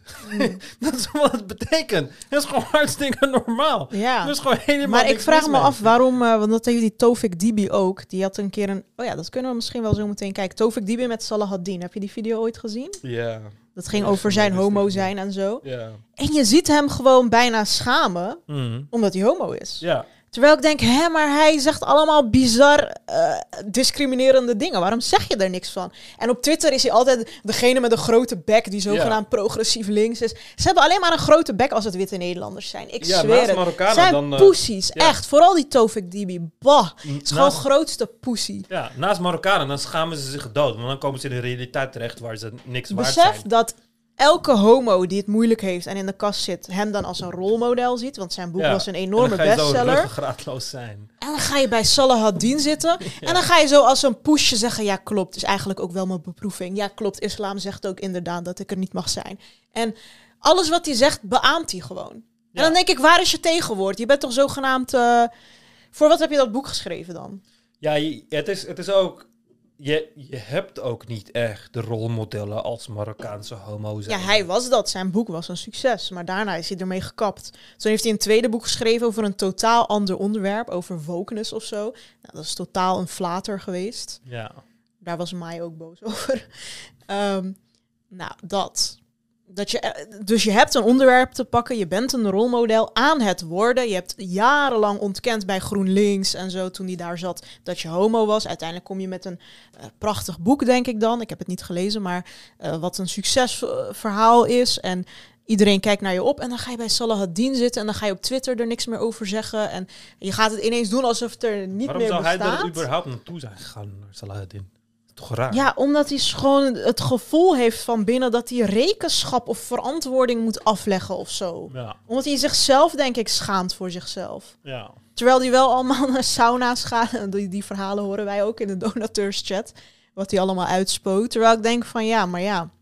Wat, wat heeft iemand aan jou, zeg maar, gehad? Je, je praat er nooit meer over. Je, je doet alsof het allemaal maar iets is waar je je voor moet schamen. Ja, maar het is ook lastig, want kijk, je moet het of Je moet het of helemaal omarmen. Ja, ik Je dacht dat homo hij dat zijnde? eerst deed. En, maar dan wordt dat je identiteit. Dan ben jij gewoon voortaan de, de Ja, maar dat hebben we toch homo. nodig in Nederland? Iemand met die identiteit. Ja, ja, of de andere kant. Dan ga je het gewoon negeren en dan ga je Ken jij een Marokkaanse bekende homo? Die bestaat gewoon niet. Nee. Ja, maar daarom, daarom is het ook lastig. Want dan ben jij gelijk die persoon. Ja, maar dat is maar toch goed juist? Marokkaanse homo. Ja, maar niemand, geen enkel homo wil ge, ge, ge, ge- gedistilleerd worden tot enkel homo. Weet je? Behalve misschien Gerard Joling of zo. ik weet niet. Maar Niet enkel lastig. homo. Je bent ook gewoon Ja, maar dat word je wel. Voor de media ga je, politicus. ga je dat wel zijn. Dan ga je gewoon de Marokkaanse homo zijn. Dat is wat je gaat zijn als je de eerste bent. En dat is het lastig, want de eerste persoon is altijd zo'n slachtoffer. En daarom zie ik die Marokkaanse eh, homo's ook... Of je wordt heel extra... Hoe heet die jongen ook alweer? Die letterlijk liedjes ging opnemen en zo. Hij gaat altijd filmpjes maken. Zo'n jongen die zich een beetje verkleedt als meisje en zo. Alena of zo? Heet hij, heet, hij of zij? Ik weet niet, misschien is trans of zo, ik weet niet. Ja, zo'n guy, die ging allemaal ook liedjes maken, die ging ook zijn kont schudden of zo, ik weet niet. Weet zo'n Marokkaanse, is. Marokkaanse... Maar je hebt dat soort mensen. En dan heb je gewoon mensen die de homo, homo gevoelens zien als beproeving en dan zich gaan vastklampen aan de religie. Ja. En dat is ook een hele goeie, want het is een hele goede schild. Religieuze dingen delen, en religieuze dingen zeggen, eh, religieuze kijk op dingen hebben. Het, het beschermt je van kritiek vanuit de Marokkaanse, vanuit de islamitische gemeenschap als het ware. Mhm. Dus het is een hele goede manier om gewoon, ja, je homo zijn te verbergen. Dan zeggen mensen van, nee, tuurlijk is hij geen homo, want hij heeft gisteren nog eh 500 keer, Ja. eh, weet ik veel wat, gereciteerd. Of je doet juist stoer dat je dat wel bent, maar goed omgaat met die beproeving of zo. Ik denk dat dat een beetje de nieuwe... Ja, Want die Tovik doet dat dus ook bij Salahaddin. Wacht, laten we die video aanzetten. Dat is wel leuk. kapot rare beproeving. Even serieus, even serieus. Als ik een, als ik een, een oudere zou zijn en ik denk van... hé, hey, ik ga mijn kind testen door gewoon in zijn hoofd te zetten dat hij van mannen houdt. Echt een rare beproeving. Zeven jaar geleden. Zeven jaar alweer, jeetje. Mm. Let's watch. Uh, Tovik Dibi, eh, dit interview wat ik met jou eh, wil gaan voeren, dat, het gaat me eigenlijk alleen maar om Tovik Dibi, de Marokkaan. Oké. Dus Nederland bestaat even niet. Het Oké. gaat alleen maar puur om onze gemeenschap. Wij als twee Marokkanen tegenover elkaar. Ja. Je bent een Marokkaan in elkaar. Ik ben zeker een Marokkaan. Ik ben een Marokkaan. dus, die- dus we gaan het, dus we vergeet even de rest. We gaan het alleen maar puur over onze, onze wereld hebben. Oké, is- Jouw jeugd, waar ben je opgegroeid in Nederland? In Vlissingen, Ja. tot mijn tiende. Toen was mijn vader overleden en toen zijn we naar Amsterdam verhuisd. Ehm, we spraken Marokkaans thuis. Ja. Dat was belangrijk. Dus altijd bij Marokkaanse eh, visite. Marokkanen komen visite of wij gaan bij Marokkanen Ja. visite. En weinig contact met, eh, met echt andere, andere groepen of zo. Eh, hoe heb je bijvoorbeeld de islam meegekregen in de eerste tien jaar? Want, Ehm, de islam heb ik meegekregen thuis. ehm, vooral ehm, dingen als de Ramadan ehm, of tijdens vakantie naar Marokko. ben je gewoon bijvoorbeeld net als mij naar Koranschool geweest? Ja, we gingen, we gingen kort, niet heel lang naar Koranschool. Ik denk dat ik een zeer, zeer traditioneel Marokkaanse opvoeding heb gehad. Ehm, eh, eigenlijk dingetjes die alle Marokkanen in die tijd meekregen, Ja. want nu is het denk ik weer anders. Op, op het moment dat jij eh, uit de kast kwam, toen heb je de media opgezocht. Eh, ja, ik had een boek geschreven en ik, ehm, eh, en ik vond het belangrijk dat het verhaal wat ik in dat boek had beschreven, want niet iedereen gaat dat boek kopen, zeker Marokkanen en moslims niet, dat ik dat ook via de media naar buiten kon brengen, zodat ik zo'n groot mogelijk publiek zou bereiken. En dus vooral Goed ook bezig. Marokkanen en moslims. Dat was heel erg de achterliggende gedachte toen ik de media, zeg maar, toen ik ging voorbereiden van ik ga daar, eh, ik ga de Volkskrant eh, interview doen en ik ga naar de Wereld Draait Door en zo. Je interviews bekeken Mhm. over je coming out. Je zei dat je in ieder geval eh, naar de media ging. Ik citeer je bijna letterlijk van jou om eh, jongeren te helpen die in, de- in jouwzelfde situatie zitten. Is het dan niet verdacht dat het dan toevallig net uitkomt met je boek en ook een beetje aan het einde van je wachtgeld? Ja, Het is eh, van Snap. Ja, ik snap wat je bedoelt. hoe- Dan, ik zit dan, jij zegt oké, het is mijn nobele taak om die jongens Mhm. te helpen. En net wanneer het commercieel interessant wordt, ga je ze helpen. Nee, nee, nee. Ik, luister, ik, ehm, ik snap het. Ja, maar wat, wat, Eh, dat is echt raar, want zonder boek ga je toch niet zomaar op tv komen of Ja. zo. Dus je hebt sowieso iets nodig waardoor je interessant wordt. Ja, precies. Maar, hè? maar dus zijn hele idee is dat hij uit de kast is gekomen om geld te verdienen dan, of zo? Ja, terwijl er echt betere... Want hij komt ook met wachtgeld en zo. Het is, toch, het is toch logisch dat als jij bezig bent met een boek te schrijven, dat je die gaat uitbrengen wanneer jij niet meer je oude werk doet. Ja, anders heb je er toch geen tijd voor. ja. Echt zo'n allochtone vraag. Ik maar het is ook altijd... Altijd worden dingen die mensen... Is net als dat jij dit alles hebt gedaan voor geld. Weet je? Ja, dat verwijt hoor ik altijd. Eh, ja, maar eh, het hele idee is dan ook van... Alsof het een soort zonde is om geld eraan te verdienen of zo. Ja, maar ik vind dat heel raar. Want dan zeg je van. Want, want dan verwijt je iemand die ergens geld aan heeft verdiend. aan dat ze het hebben gedaan puur om geld te verdienen. Maar dat is heel anders. Het is juist dat jij. Bijvoorbeeld, ik kan een passie, je kan een passie hebben in het leven, bijvoorbeeld. En dan pursue je die passie, zo ga je erin studeren. En dan ga je erin en als dat werken. dan toevallig samenvalt, is het alleen maar goed. Ja, en dan, en, dan, en dan gaan mensen zeggen van... oh ja, maar je krijgt er wel voor betaald. Dus het kan niet je passie zijn of het kan niet echt zijn of zo. En dan denk ik van, nee, je kan het, je kan het toch samenvoegen. Dat is toch letterlijk het hele idee van iets doen... wat jij Ja. benodigd vindt, wat jij goed vindt, wat jij maar leuk vindt. ze hebben dat ook altijd bij boeken of zo. Ik bedoel, als jij die wormen maakt en stel je was er multimiljonair mee geworden met die wormen die plastic eten, dan zou niemand tegen jou zeggen, hmm, wel toevallig dat je dan toen geen werk meer had en eh, Ja. toen heb je ineens bedacht wormen te maken. Of maar zo. het, het lijkt voor die mensen, denk ik, alsof, alsof je zeg maar... Je schrijft gewoon een boek en dan word je rijk.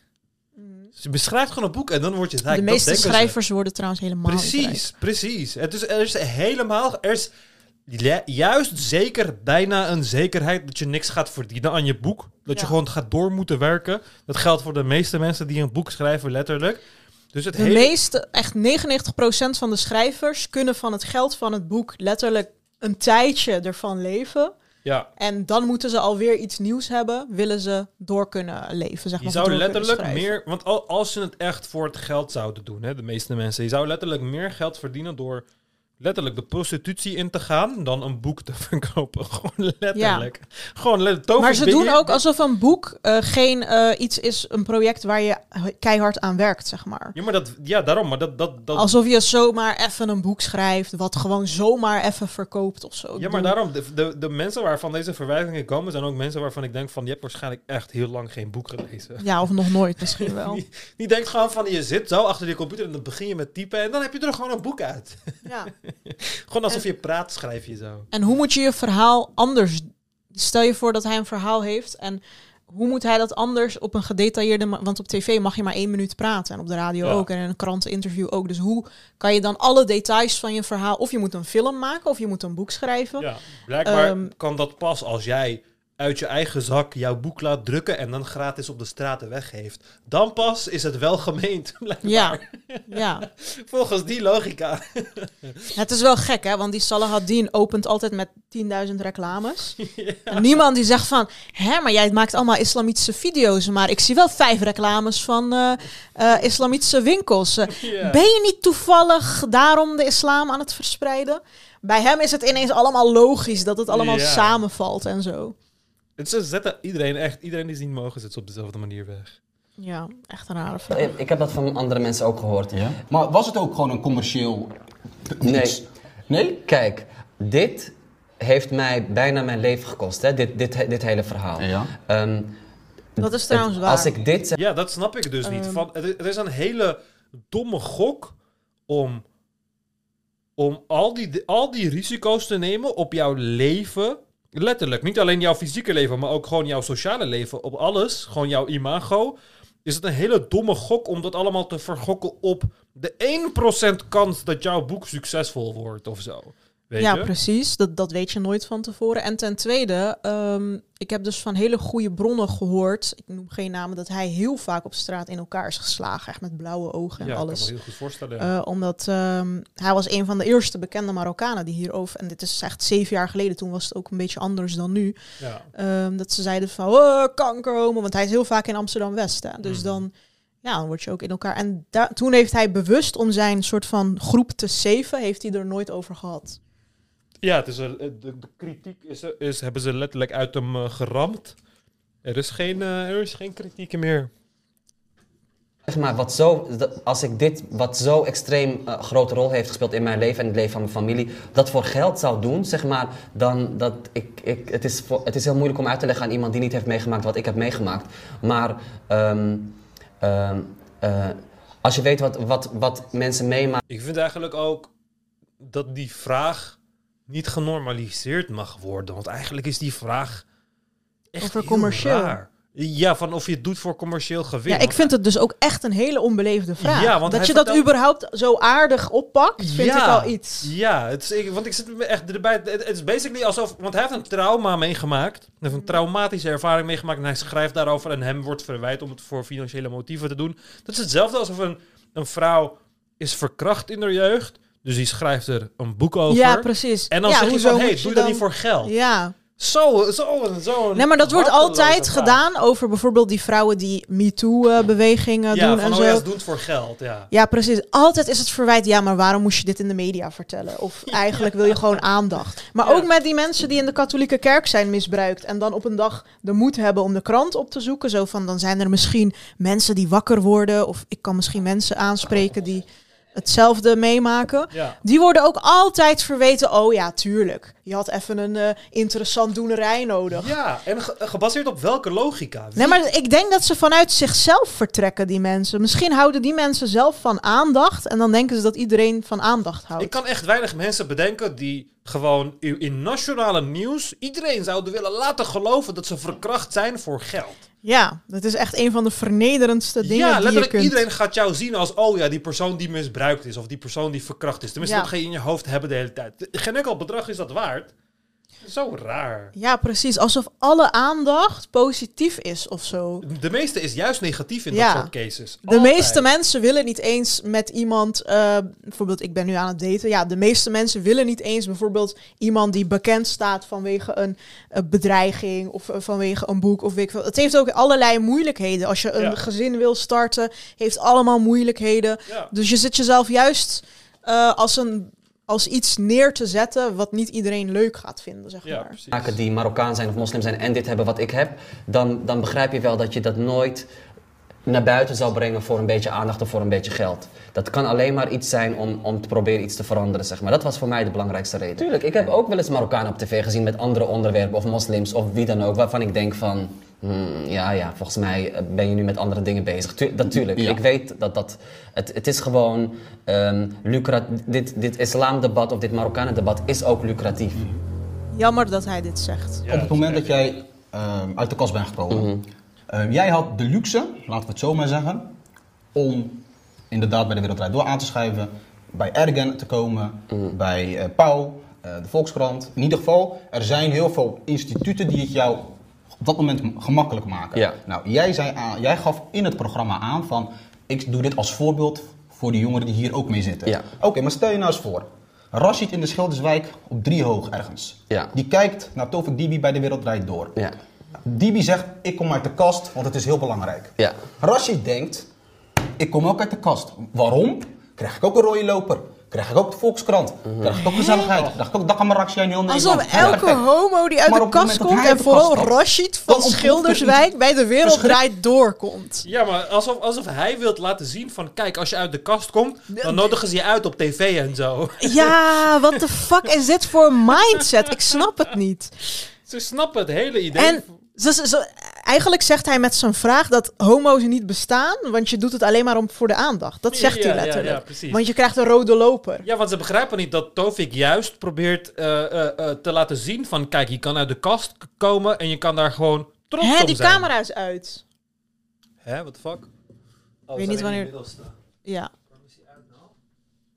Oh ja, ik heb dezelfde fout gemaakt als de vorige keer. Oh ja, niet verwijderd. Oké, jij was iets aan het zeggen, sorry. Ja, maar hij doet het gewoon om die mensen moed te geven, weet je? Voor het hele idee van, kijk, Mhm. ik ben gewoon Marokkaan, ik ben homo en ik ben trots. En ik Ja. kan gewoon voor mezelf kiezen. En voor mijn eigen waarheid en weet ik veel wat allemaal. En Saladin kan het gewoon niet inzien. Voor Saladin is het van... Ja, ja, oké, oké, oké. Maar waarom heb je het echt gedaan? Was het geld?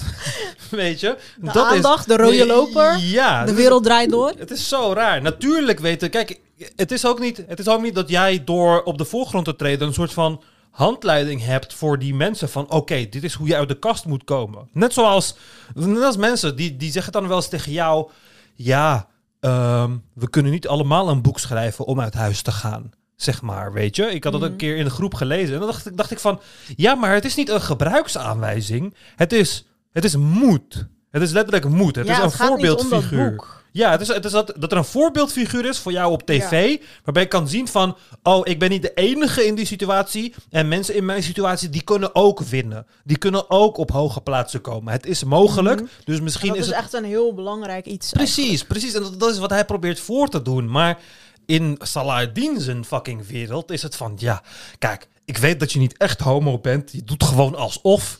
Maar we moeten er alleen achter komen waarom je het doet alsof. Ja. Dit is gewoon de En realiteit. we gaan nu probeert- real als Marokkanen. Nederland bestaat niet meer.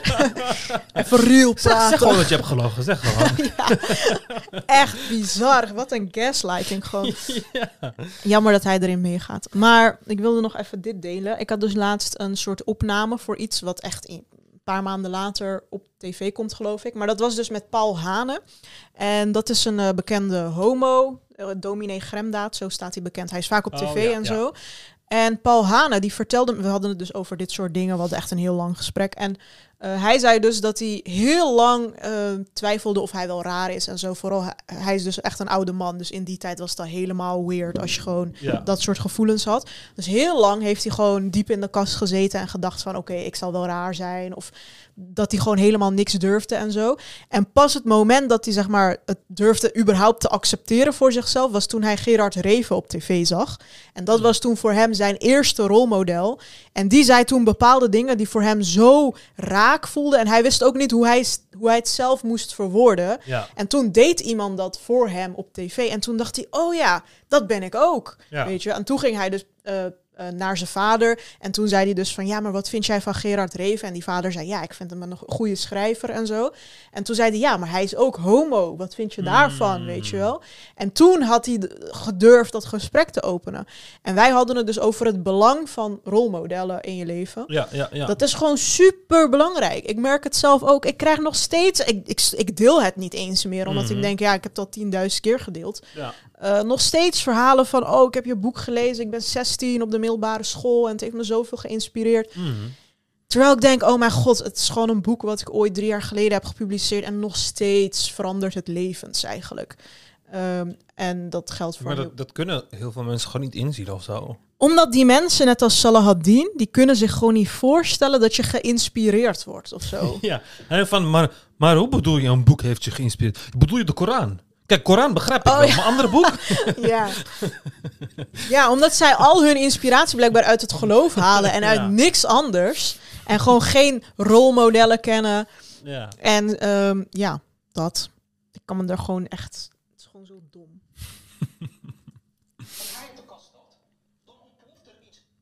In heel zijn gemeenschap. Mhm. En hij heeft die aansluiting niet bij de media, bij misschien een andere wereld waar hij zich in kan vertoeven. Ja.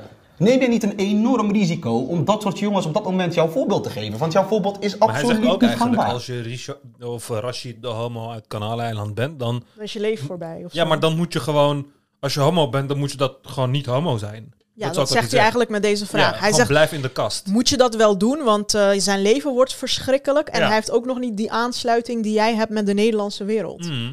Maar wat is je punt dan? Ja, Dat hij het niet moet doen. Ja, dus dat met is andere woorden, gewoon ergens een meisje, die wordt gewoon verkracht thuis. Maar ja, als Maar ja, ze naar de ze er politie wat van gaat, zegt, ja, dan, ja. dan heeft ze geen huis meer. Maar zo, dat is echt de moslim mindset. Hè? Gewoon 100%. echt pure moslim mindset. Van. Ja. maar ja. Van je wordt thuis verkracht. Ja, maar jeugdzorg is erger. Zo jeugdzorg. Oh, je vader slaat je Ja. helemaal in elkaar. Ja, Alles- jeugdzorg is erger. Alles is altijd erger. Ja. Altijd. Zo, je vader slaat je in elkaar. Ja, maar wat ga je naar buiten en hoer worden of zo? Ja, je bent ontevreden in je huwelijk. Denk je, je gaat scheiden. Oh, die problemen, die problemen. Ja, zo raar.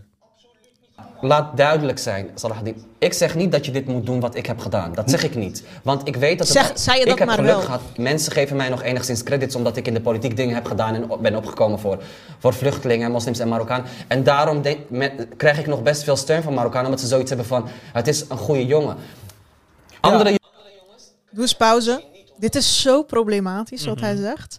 Maar Alsof je geen- billen te kruipen zo. Alsof je geen goede jongen bent als je al die dingen niet had gedaan. Ja. Hij zegt gewoon letterlijk: Ik heb zeg maar nog gelukkig een beetje credits vanuit mijn verleden. Ja, precies dat. Gelukkig, godzijdank. Want ik zou niet weten wat ik zou moeten als die Marokkanen mij die credits niet zouden geven vanwege Ja. mijn homo zijn.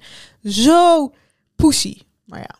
Ja, maar het is ook, als jij in deze posities gaat komen als jij in de politiek gaat komen door te leunen op de Marokkaanse stem of de islamitische stem. Dan I wish you luck. Ja, precies. Maar dan, dan gaan ze je ook zo laten vallen wanneer je dan uit de kast gaat komen als homo. Ja. Want nu zegt hij van, oh, maar weten jullie niet wat ik allemaal voor jullie heb gedaan? Oh ja, je bent homo. Het boeit niet meer wat je voor ze hebt gedaan, Ja. want je bent homo. En ja, dat accepteren gewoon de meeste mensen niet. Ja, en ze gaan echt niet meer op jou stemmen. Dus eh, Ja. ik weet niet... eh, Jongens krijgen dat misschien niet, omdat ze ehm, Dat- maar- zichzelf niet op en- die en manier dat hebben is bewezen. precies mijn punt. En dat is precies mijn Ja. punt. Jij hebt de luxe Ja. om nog credi- credibility te kweken. Ja. Jij hebt nog de luxe. Maar goed, stel je voor dat er inderdaad jongens van 14, 15, 16 meisjes die dan eh, denken ik ga uit de kast komen of ik ga niet uit de kast komen, die in een totaal andere situatie zitten. Mhm. Dan, dan vind ik echt persoonlijk, vind ik gewoon... Je vindt het gevaarlijk. Ik vind het gevaarlijk, dat zeg ik je heel eerlijk. Ja. En, en, en, en weet je waarom ik het gevaarlijk vind? Is omdat je op dat moment zit je bij Matthijs van Nieuwkerk aan tafel en zit je bij Pauw aan tafel. En die mensen, met alle respect voor hun, maar zij zijn niet onze norm van hoe onze cultuur is. Mhm. Zij zijn geen moslims. Zij zijn geen, dus op dat moment, wanneer Pauw of Matthijs van Nieuwkerk eh, jou, de rode loper eh, voor jou neerlegt. En dat die mensen kunnen denken van, wauw, ik wil ook bij Matthijs van Nieuwkerk aan tafel zitten. Ik wil ook mensen die mij begrijpen. Bro, wie denkt dit? Wie denkt dit? Ik denk dat hij dat denkt, stiekem. Ja. De meeste dat is- mensen vinden tv helemaal niet zo leuk, Dat is hoor. alsof jij de hele DM zou krijgen van... Ja, Lale, en ik zag je vandaag weer op tv. En ik, Ik vind het echt het top, ook. want het is echt mijn droom om ook te- op tv te komen. Ik heb dat letterlijk nog nooit gehoord van iemand. Precies. Het is zo'n rare denkwijze. Dus Ik hoor echt- juist het omgekeerde altijd. Ik Ja. hoor altijd van, oh Ik zou god. nooit durven om ja, op tv te precies. gaan, Ik ja. zou dat never nooit doen. Ik snap echt Ja. niet hoe jij dat nog blijft doen zonder anxiety te krijgen. En Dit hoor je alleen van iemand wiens droom het is om. eh, Ik denk om echt dat te Salah worden. Hadin, en hij is ook bekend, dus dat zal wel de, de onderliggende reden zijn, echt een narcist is gewoon. Hij kan zich gewoon niks erbij voorstellen dat mensen dingen doen zonder narcistische redenen. Gewoon. Ja, precies. En het andere wat hij zei is... Ja, maar Pauw en Matthijs van Nieuwkerk, dit, zij weten niet hoe wij zijn. Zij weten. Maar ik haat het als allochtonen dit zeggen, want je doet alsof die mensen een soort van aliens zijn, weet Ja. je wel? Ja, maar Alsof- ook alsof, alsof hun twee compleet compatibele normen en Ja. waarden hebben of zo. Dat is ook niet zo. Alleen omdat ze beide Marokkaan zijn. Ja. Zijn ze hetzelfde of zo. Nee, maar zo raar. van, skip die tata's. Ja, Zij weten raar. sowieso eh, niks van wat wij voelen of zo. Terwijl die tata's hadden 30, 40 jaar geleden exact dezelfde problemen. De meeste tata's hebben dezelfde problemen als jullie die in de Ja. kast zitten uit een christelijke gemeenschap en zo. Die snappen echt wat emoties zijn. Die snappen wat sociale druk is. Die snappen wat 100%. eh, in de kast zitten is. Het is niet dat een tata daar totaal geen idee van heeft of Ja, zo. en, en die dingen leven ook gewoon in Nederland. Er zijn in Nederland genoeg Nederlandse homo's die binnen hun familie ook niet uit de kast kunnen komen. Omdat ze gewoon in een, weet ik veel... een- we hebben meerdere mensen in de groep die gewoon een revo, in een revo-gemeenschap Ja. zijn opgegroeid. En dus exact dezelfde problemen hebben ondervonden in een ander Precies, smaakje als en- moslims. Het is niet van, het is een totaal ander slag mens. Wat weten die nou, weet Ja, maar je hij wel? probeert gewoon heel erg van... Nee, jij hoort bij ons, je bent Marokkaan... en jij hoort je zo te gedragen volgens onze normen en waarden... en niet te veel Ja, maar normen en waarden zijn ook-. Super veranderlijk. Ja, natuurlijk. Eh, bij Nederlands is het ook veranderd. Zij hebben allebei veel meer overeen met je gemiddelde Nederlander... dan met je gemiddelde dorpse Marokkaan. Ze hebben Ja. veel meer gemeen op heel veel van die vlakken. Ja. Want dat zegt hij ook in het begin. Hij zegt van, ja, kijk, we zijn van Marokkaan... en van Nederland bestaat niet. En weet ik. Grap, je praat Nederlands. Als deze twee Marokkaans met elkaar zouden eh, praten... zouden ze elkaar niet eens verstaan. Omdat die taal helemaal verwaterd is in, in hun brein. ja. Het is zo raar. Dit, dit- dit haat ik ook van allochtonen, dat ze ervoor kiezen. Ze kiezen ervoor om zichzelf apart te houden van de Nederlandse samenleving. En dan gaan ze zeuren over. Nederlanders- jullie zien ons als Ja, apart. Ja, precies. Dus dan eh, het is zo. eh, Terwijl je continu benadrukt dat je geen Nederlander ja, bent. continu Letterlijk van, continu. ja, we zijn anders. met je accent, met je kleding, met Ja. je gedrag, met je continu over islam hebben. Vind je het dan gek dat je ook als anders wordt behandeld? Ja, het is ook de hele tijd wij en zij. Kijk, ik gebruik heel vaak wij wanneer ik het heb over Nederlanders. Mhm. Ehm, maar wanneer ik het zie, wanneer, wanneer zij het gebruiken, dan is het echt wij, zij. Wij Marokkanen en zij Nederlanders. Ja. Dan denk ik echt van, hè, maar waarom zou je ervoor kiezen om jezelf zo te zien? Je kan jezelf... Hij begon al het gesprek met we gaan Nederland skippen. ja, precies. kan je dat zeggen? Terwijl ik denk van, je kan, je kan het beide gewoon hebben. Je kan gewoon jezelf zien als wij zijn Marokkanen, maar wij zijn ook Nederlanders. En jij behoort tot beide groepen. En dat komt Ja. gewoon prima. Je hoeft niet een alliantie uit te spreken over één van de twee groepen of zo. Het is zo Ja. raar. Daarom het hele idee van verkaasd zijn en zo heb ik me ook Dat is altijd echt aan grootste geïrriteerd. angst gewoon. Ja. Verkaasd zijn. Terwijl ze allemaal hartstikke verkaasd zijn. Die Salah Haddin, ik bedenk me dat net. Hij geeft theatershows, toch? Ja, dat is pas verkaasd. Welke Marokkaan geeft theatershows over grappen uit zijn eigen gemeenschap? Dat is gewoon totaal niet eh, des Marokkaans of zo. En hoe commercieel is dat? Je verkoopt Ja. gewoon kaartjes door jokes te verzinnen thuis over je eigen groep. Ja, Waar, waarmee je ze eigenlijk vernedert. Maar goed. Ja. Ik Ja. wil ook dit, ik wil ook dat. Maar dan komen ze van een koude kermis thuis, Ja. vriend, want die is er niet. Het klopt, het kan gevaarlijk zijn wat je nu zegt. Je, je hebt gelijk. Ik wil niet dat het lijkt Hij is alsof zo ik... nederig. Hij, zo, hij, was ook, je? hij was de verkeerde eerste homo. We moesten zo'n beer van een Marokkaan Dat hebben. bedoel ik al het hele gesprek. Ik irriteer me aan Tofik Dibi. Ja, we moesten echt zo'n beer van een... Gewoon zo iemand die groter is dan Salahuddin. En die hem zo oncomfortabel laat voelen. Gewoon Badr Hari.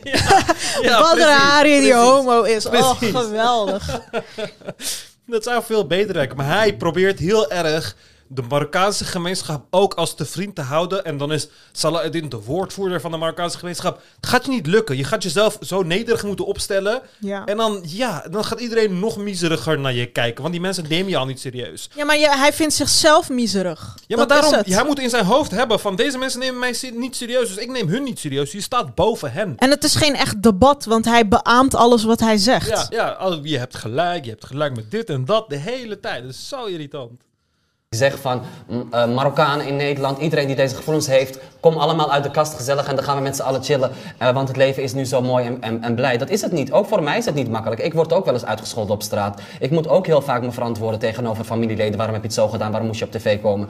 Eh, dus zelfs voor mij is het al moeilijk. Zelfs met mijn luxe positie, ik weet dat ik een luxe positie heb en ik ben onafhankelijk en ik verdien mijn eigen geld en niemand kan mij meer verstoten, want ik heb ook voor mijn familie gezorgd. Dus ik heb een goede basis en heel veel andere jongens en meisjes zullen dat niet hebben zoals ik dat heb. Het engste wat ik vind van wat uit dit gesprek is gekomen is, ehm de grootste risico is wel ik hoop niet dat iemand, zeg maar, ik wil niet dat mensen zichzelf in gevaar brengen door te doen wat ik heb, precies wat ik heb gedaan, niet wetende wat hun eigen omgeving, hoe die in elkaar Maar zit. heb je en die risico niet, niet goed ingeschat? Ehm, eh, laat het duidelijk zijn dat ik niet zeg, doe precies wat ik heb gedaan, want je gaat niet zo, ik, je, gaat, je gaat misschien iets anders aan reacties krijgen dan ik heb gekregen. Ik ben moslim, jij bent moslim. Ja. Ik vind het eh, altijd heel erg. Dit hadden mijn ouders ook. Ehm, ik weet nog vroeger toen ik teksten schreef op internet, op Facebook. En eh, als andere Turken dan boos werden. Dan gingen mijn ouders altijd helemaal schreeuwen tegen mij. Ze zeiden van ja, ben je maar gek geworden? Je kan die mensen gewoon niet boos maken. Ze hebben laatst nog een Turkse zakenman in het Twisken neergeschoten. Dan schieten ze jou ook dood. Of dan komt er een baksteen door het raam of weet ik wat. En ook toen ik die Erdogan filmpje had gemaakt, toen zei mijn ma zo van... Ja, maar wat als je nu je broertje en je zusje in elkaar slaan? De reactie vanuit de gemeenschap en weet ik wat. En ik van... Maar waarom ben je boos op mij? Ja, waarom is het jouw verantwoordelijkheid? Ja, waarom ben je boos op mij? Want maar nu dat is dus die hele mindset van als je een minirok draagt, vraag je erom om verkracht te worden. Ja, maar hier ook. Salah doet toch van ja, en nu zeg jij dit tegen jongeren. En als ze er niet goed over gaan nadenken en ze gaan uit de kast, dan gaan de consequenties voor hun heel erg zijn. Oké, maar waarom hebben jullie het over die jongen en zijn keuzes? Heb het over de fucking reactie van de community. Ja, waarom Heb zeg je niet ergens dat je het veroordeelt dat hij in elkaar... Hij zegt net, ik word wel eens op straat uitgescholden. Ja. Salahaddin zegt daar niks over. Hoe bizar is dat? Hij zegt precies. niet van, oh, I'm sorry that that happened, weet je wel. Van, ja, daar moeten we samen iets aan doen. Ja. Nee, Niet dan is het zo van, oh ja, logisch. Uh, Ja. jij, jij, jij komt bij de wereld draait door. Het is zo raar. Het is zo genormaliseerd van ja, kijk, dan moet je maar niet dat gedrag vertonen, anders ga je die reacties krijgen. Het is zo raar. Je bent er gewoon compleet oké mee dat mensen zo erg worden onderdrukt vanwege hun Ja, maar hij is er ook oké mee. Dat is ook het Ja. hele probleem. Hij vindt het geen probleem. Ja, maar daarom- hij daar- vindt het juist goed. Daarom dat weet vind ik zeker. Daarom vind ik die hele attitude van Tofik zo erg. Want hij, Saladin, zit er gewoon met een bad faith argument in. Saladin is gewoon van... Nee, ik despise you gewoon. Je bent Ja. gewoon walgelijk en jij hoort niet te bestaan. En, en Tofik is van... Oh nee, hou alsjeblieft van mij. Nee, ik hoor nog bij jullie en dit en dat. Bijna zielig eigenlijk. Ja, het is zo... Scott ze. Wie de fuck is Saladin? Wie de fuck is Hij is veel succesvoller dan Salahaddin. Ja, precies. En veel intelligenter. Precies. Dat is letterlijk alsof ik, alsof ik Ismail Ilgun ga smeken om vrienden met mij te worden of zo. Het is gewoon kapot raar. Het is Ja. gewoon kapot raar om jezelf te verlagen tot die niveau. Het is gewoon Ja. echt jammer. We zijn allebei moslim? Ja, we zijn Oké, allebei dus, dus, moslim. dus, dus niet zo dat je geen moslim meer bent? Nee, zo? nee, anders zou ik dat ook zeggen Oké, nee, trouwens. oké, dus we zijn Ja. allebei moslim. Ja. Ben je het er met mij eens dat eh, heteroseksualiteit binnen de islam de norm is? Ehm, Niet alleen binnen de islam hoor. Eh, ja, het, de norm, ja, i- mm, ja, Ja, daar ben je, daar daar ben het met ja, mij ja, eens, daar ben ik met je, ja, daar ben ik met je oké. eens. Ik ben van mening, als moslim, of althans Mhm. dat is wat islam mij geleerd heeft, is dat ik mijn zondes moet bedekken. Ja, Oh. ja, ik, ja, deze discussie. Dit gaat over Ja. neuken mannen, maar doe het in het geheim. Dat is basically wat Wacht, kunnen we nu de opname stoppen? Want we zijn al aan het, heel lang aan het opnemen. En dan verder gaan in de volgende Ja, opname. oké. Hoe lang zijn we aan het opnemen? 1 dat uur weet ik 40 niet. minuten. Oké, top. Dankjewel voor het kijken. Waardeer je onze inhoud? Word dan alsjeblieft donateur op ikgaleven.backme.org. Het kost je maar 5 euro in de maand. Wat de prijs is van één koffie tegenwoordig. En daar steun je ons heel erg mee. Dan kunnen wij vaker video's maken. Kunnen we uitbreiden. ehm, en meer content verschaffen. Dus word donateur. Dan kom je ook in de donateurschat. En je hebt toegang tot meer video's. Ja. Dankjewel. Tot de volgende keer.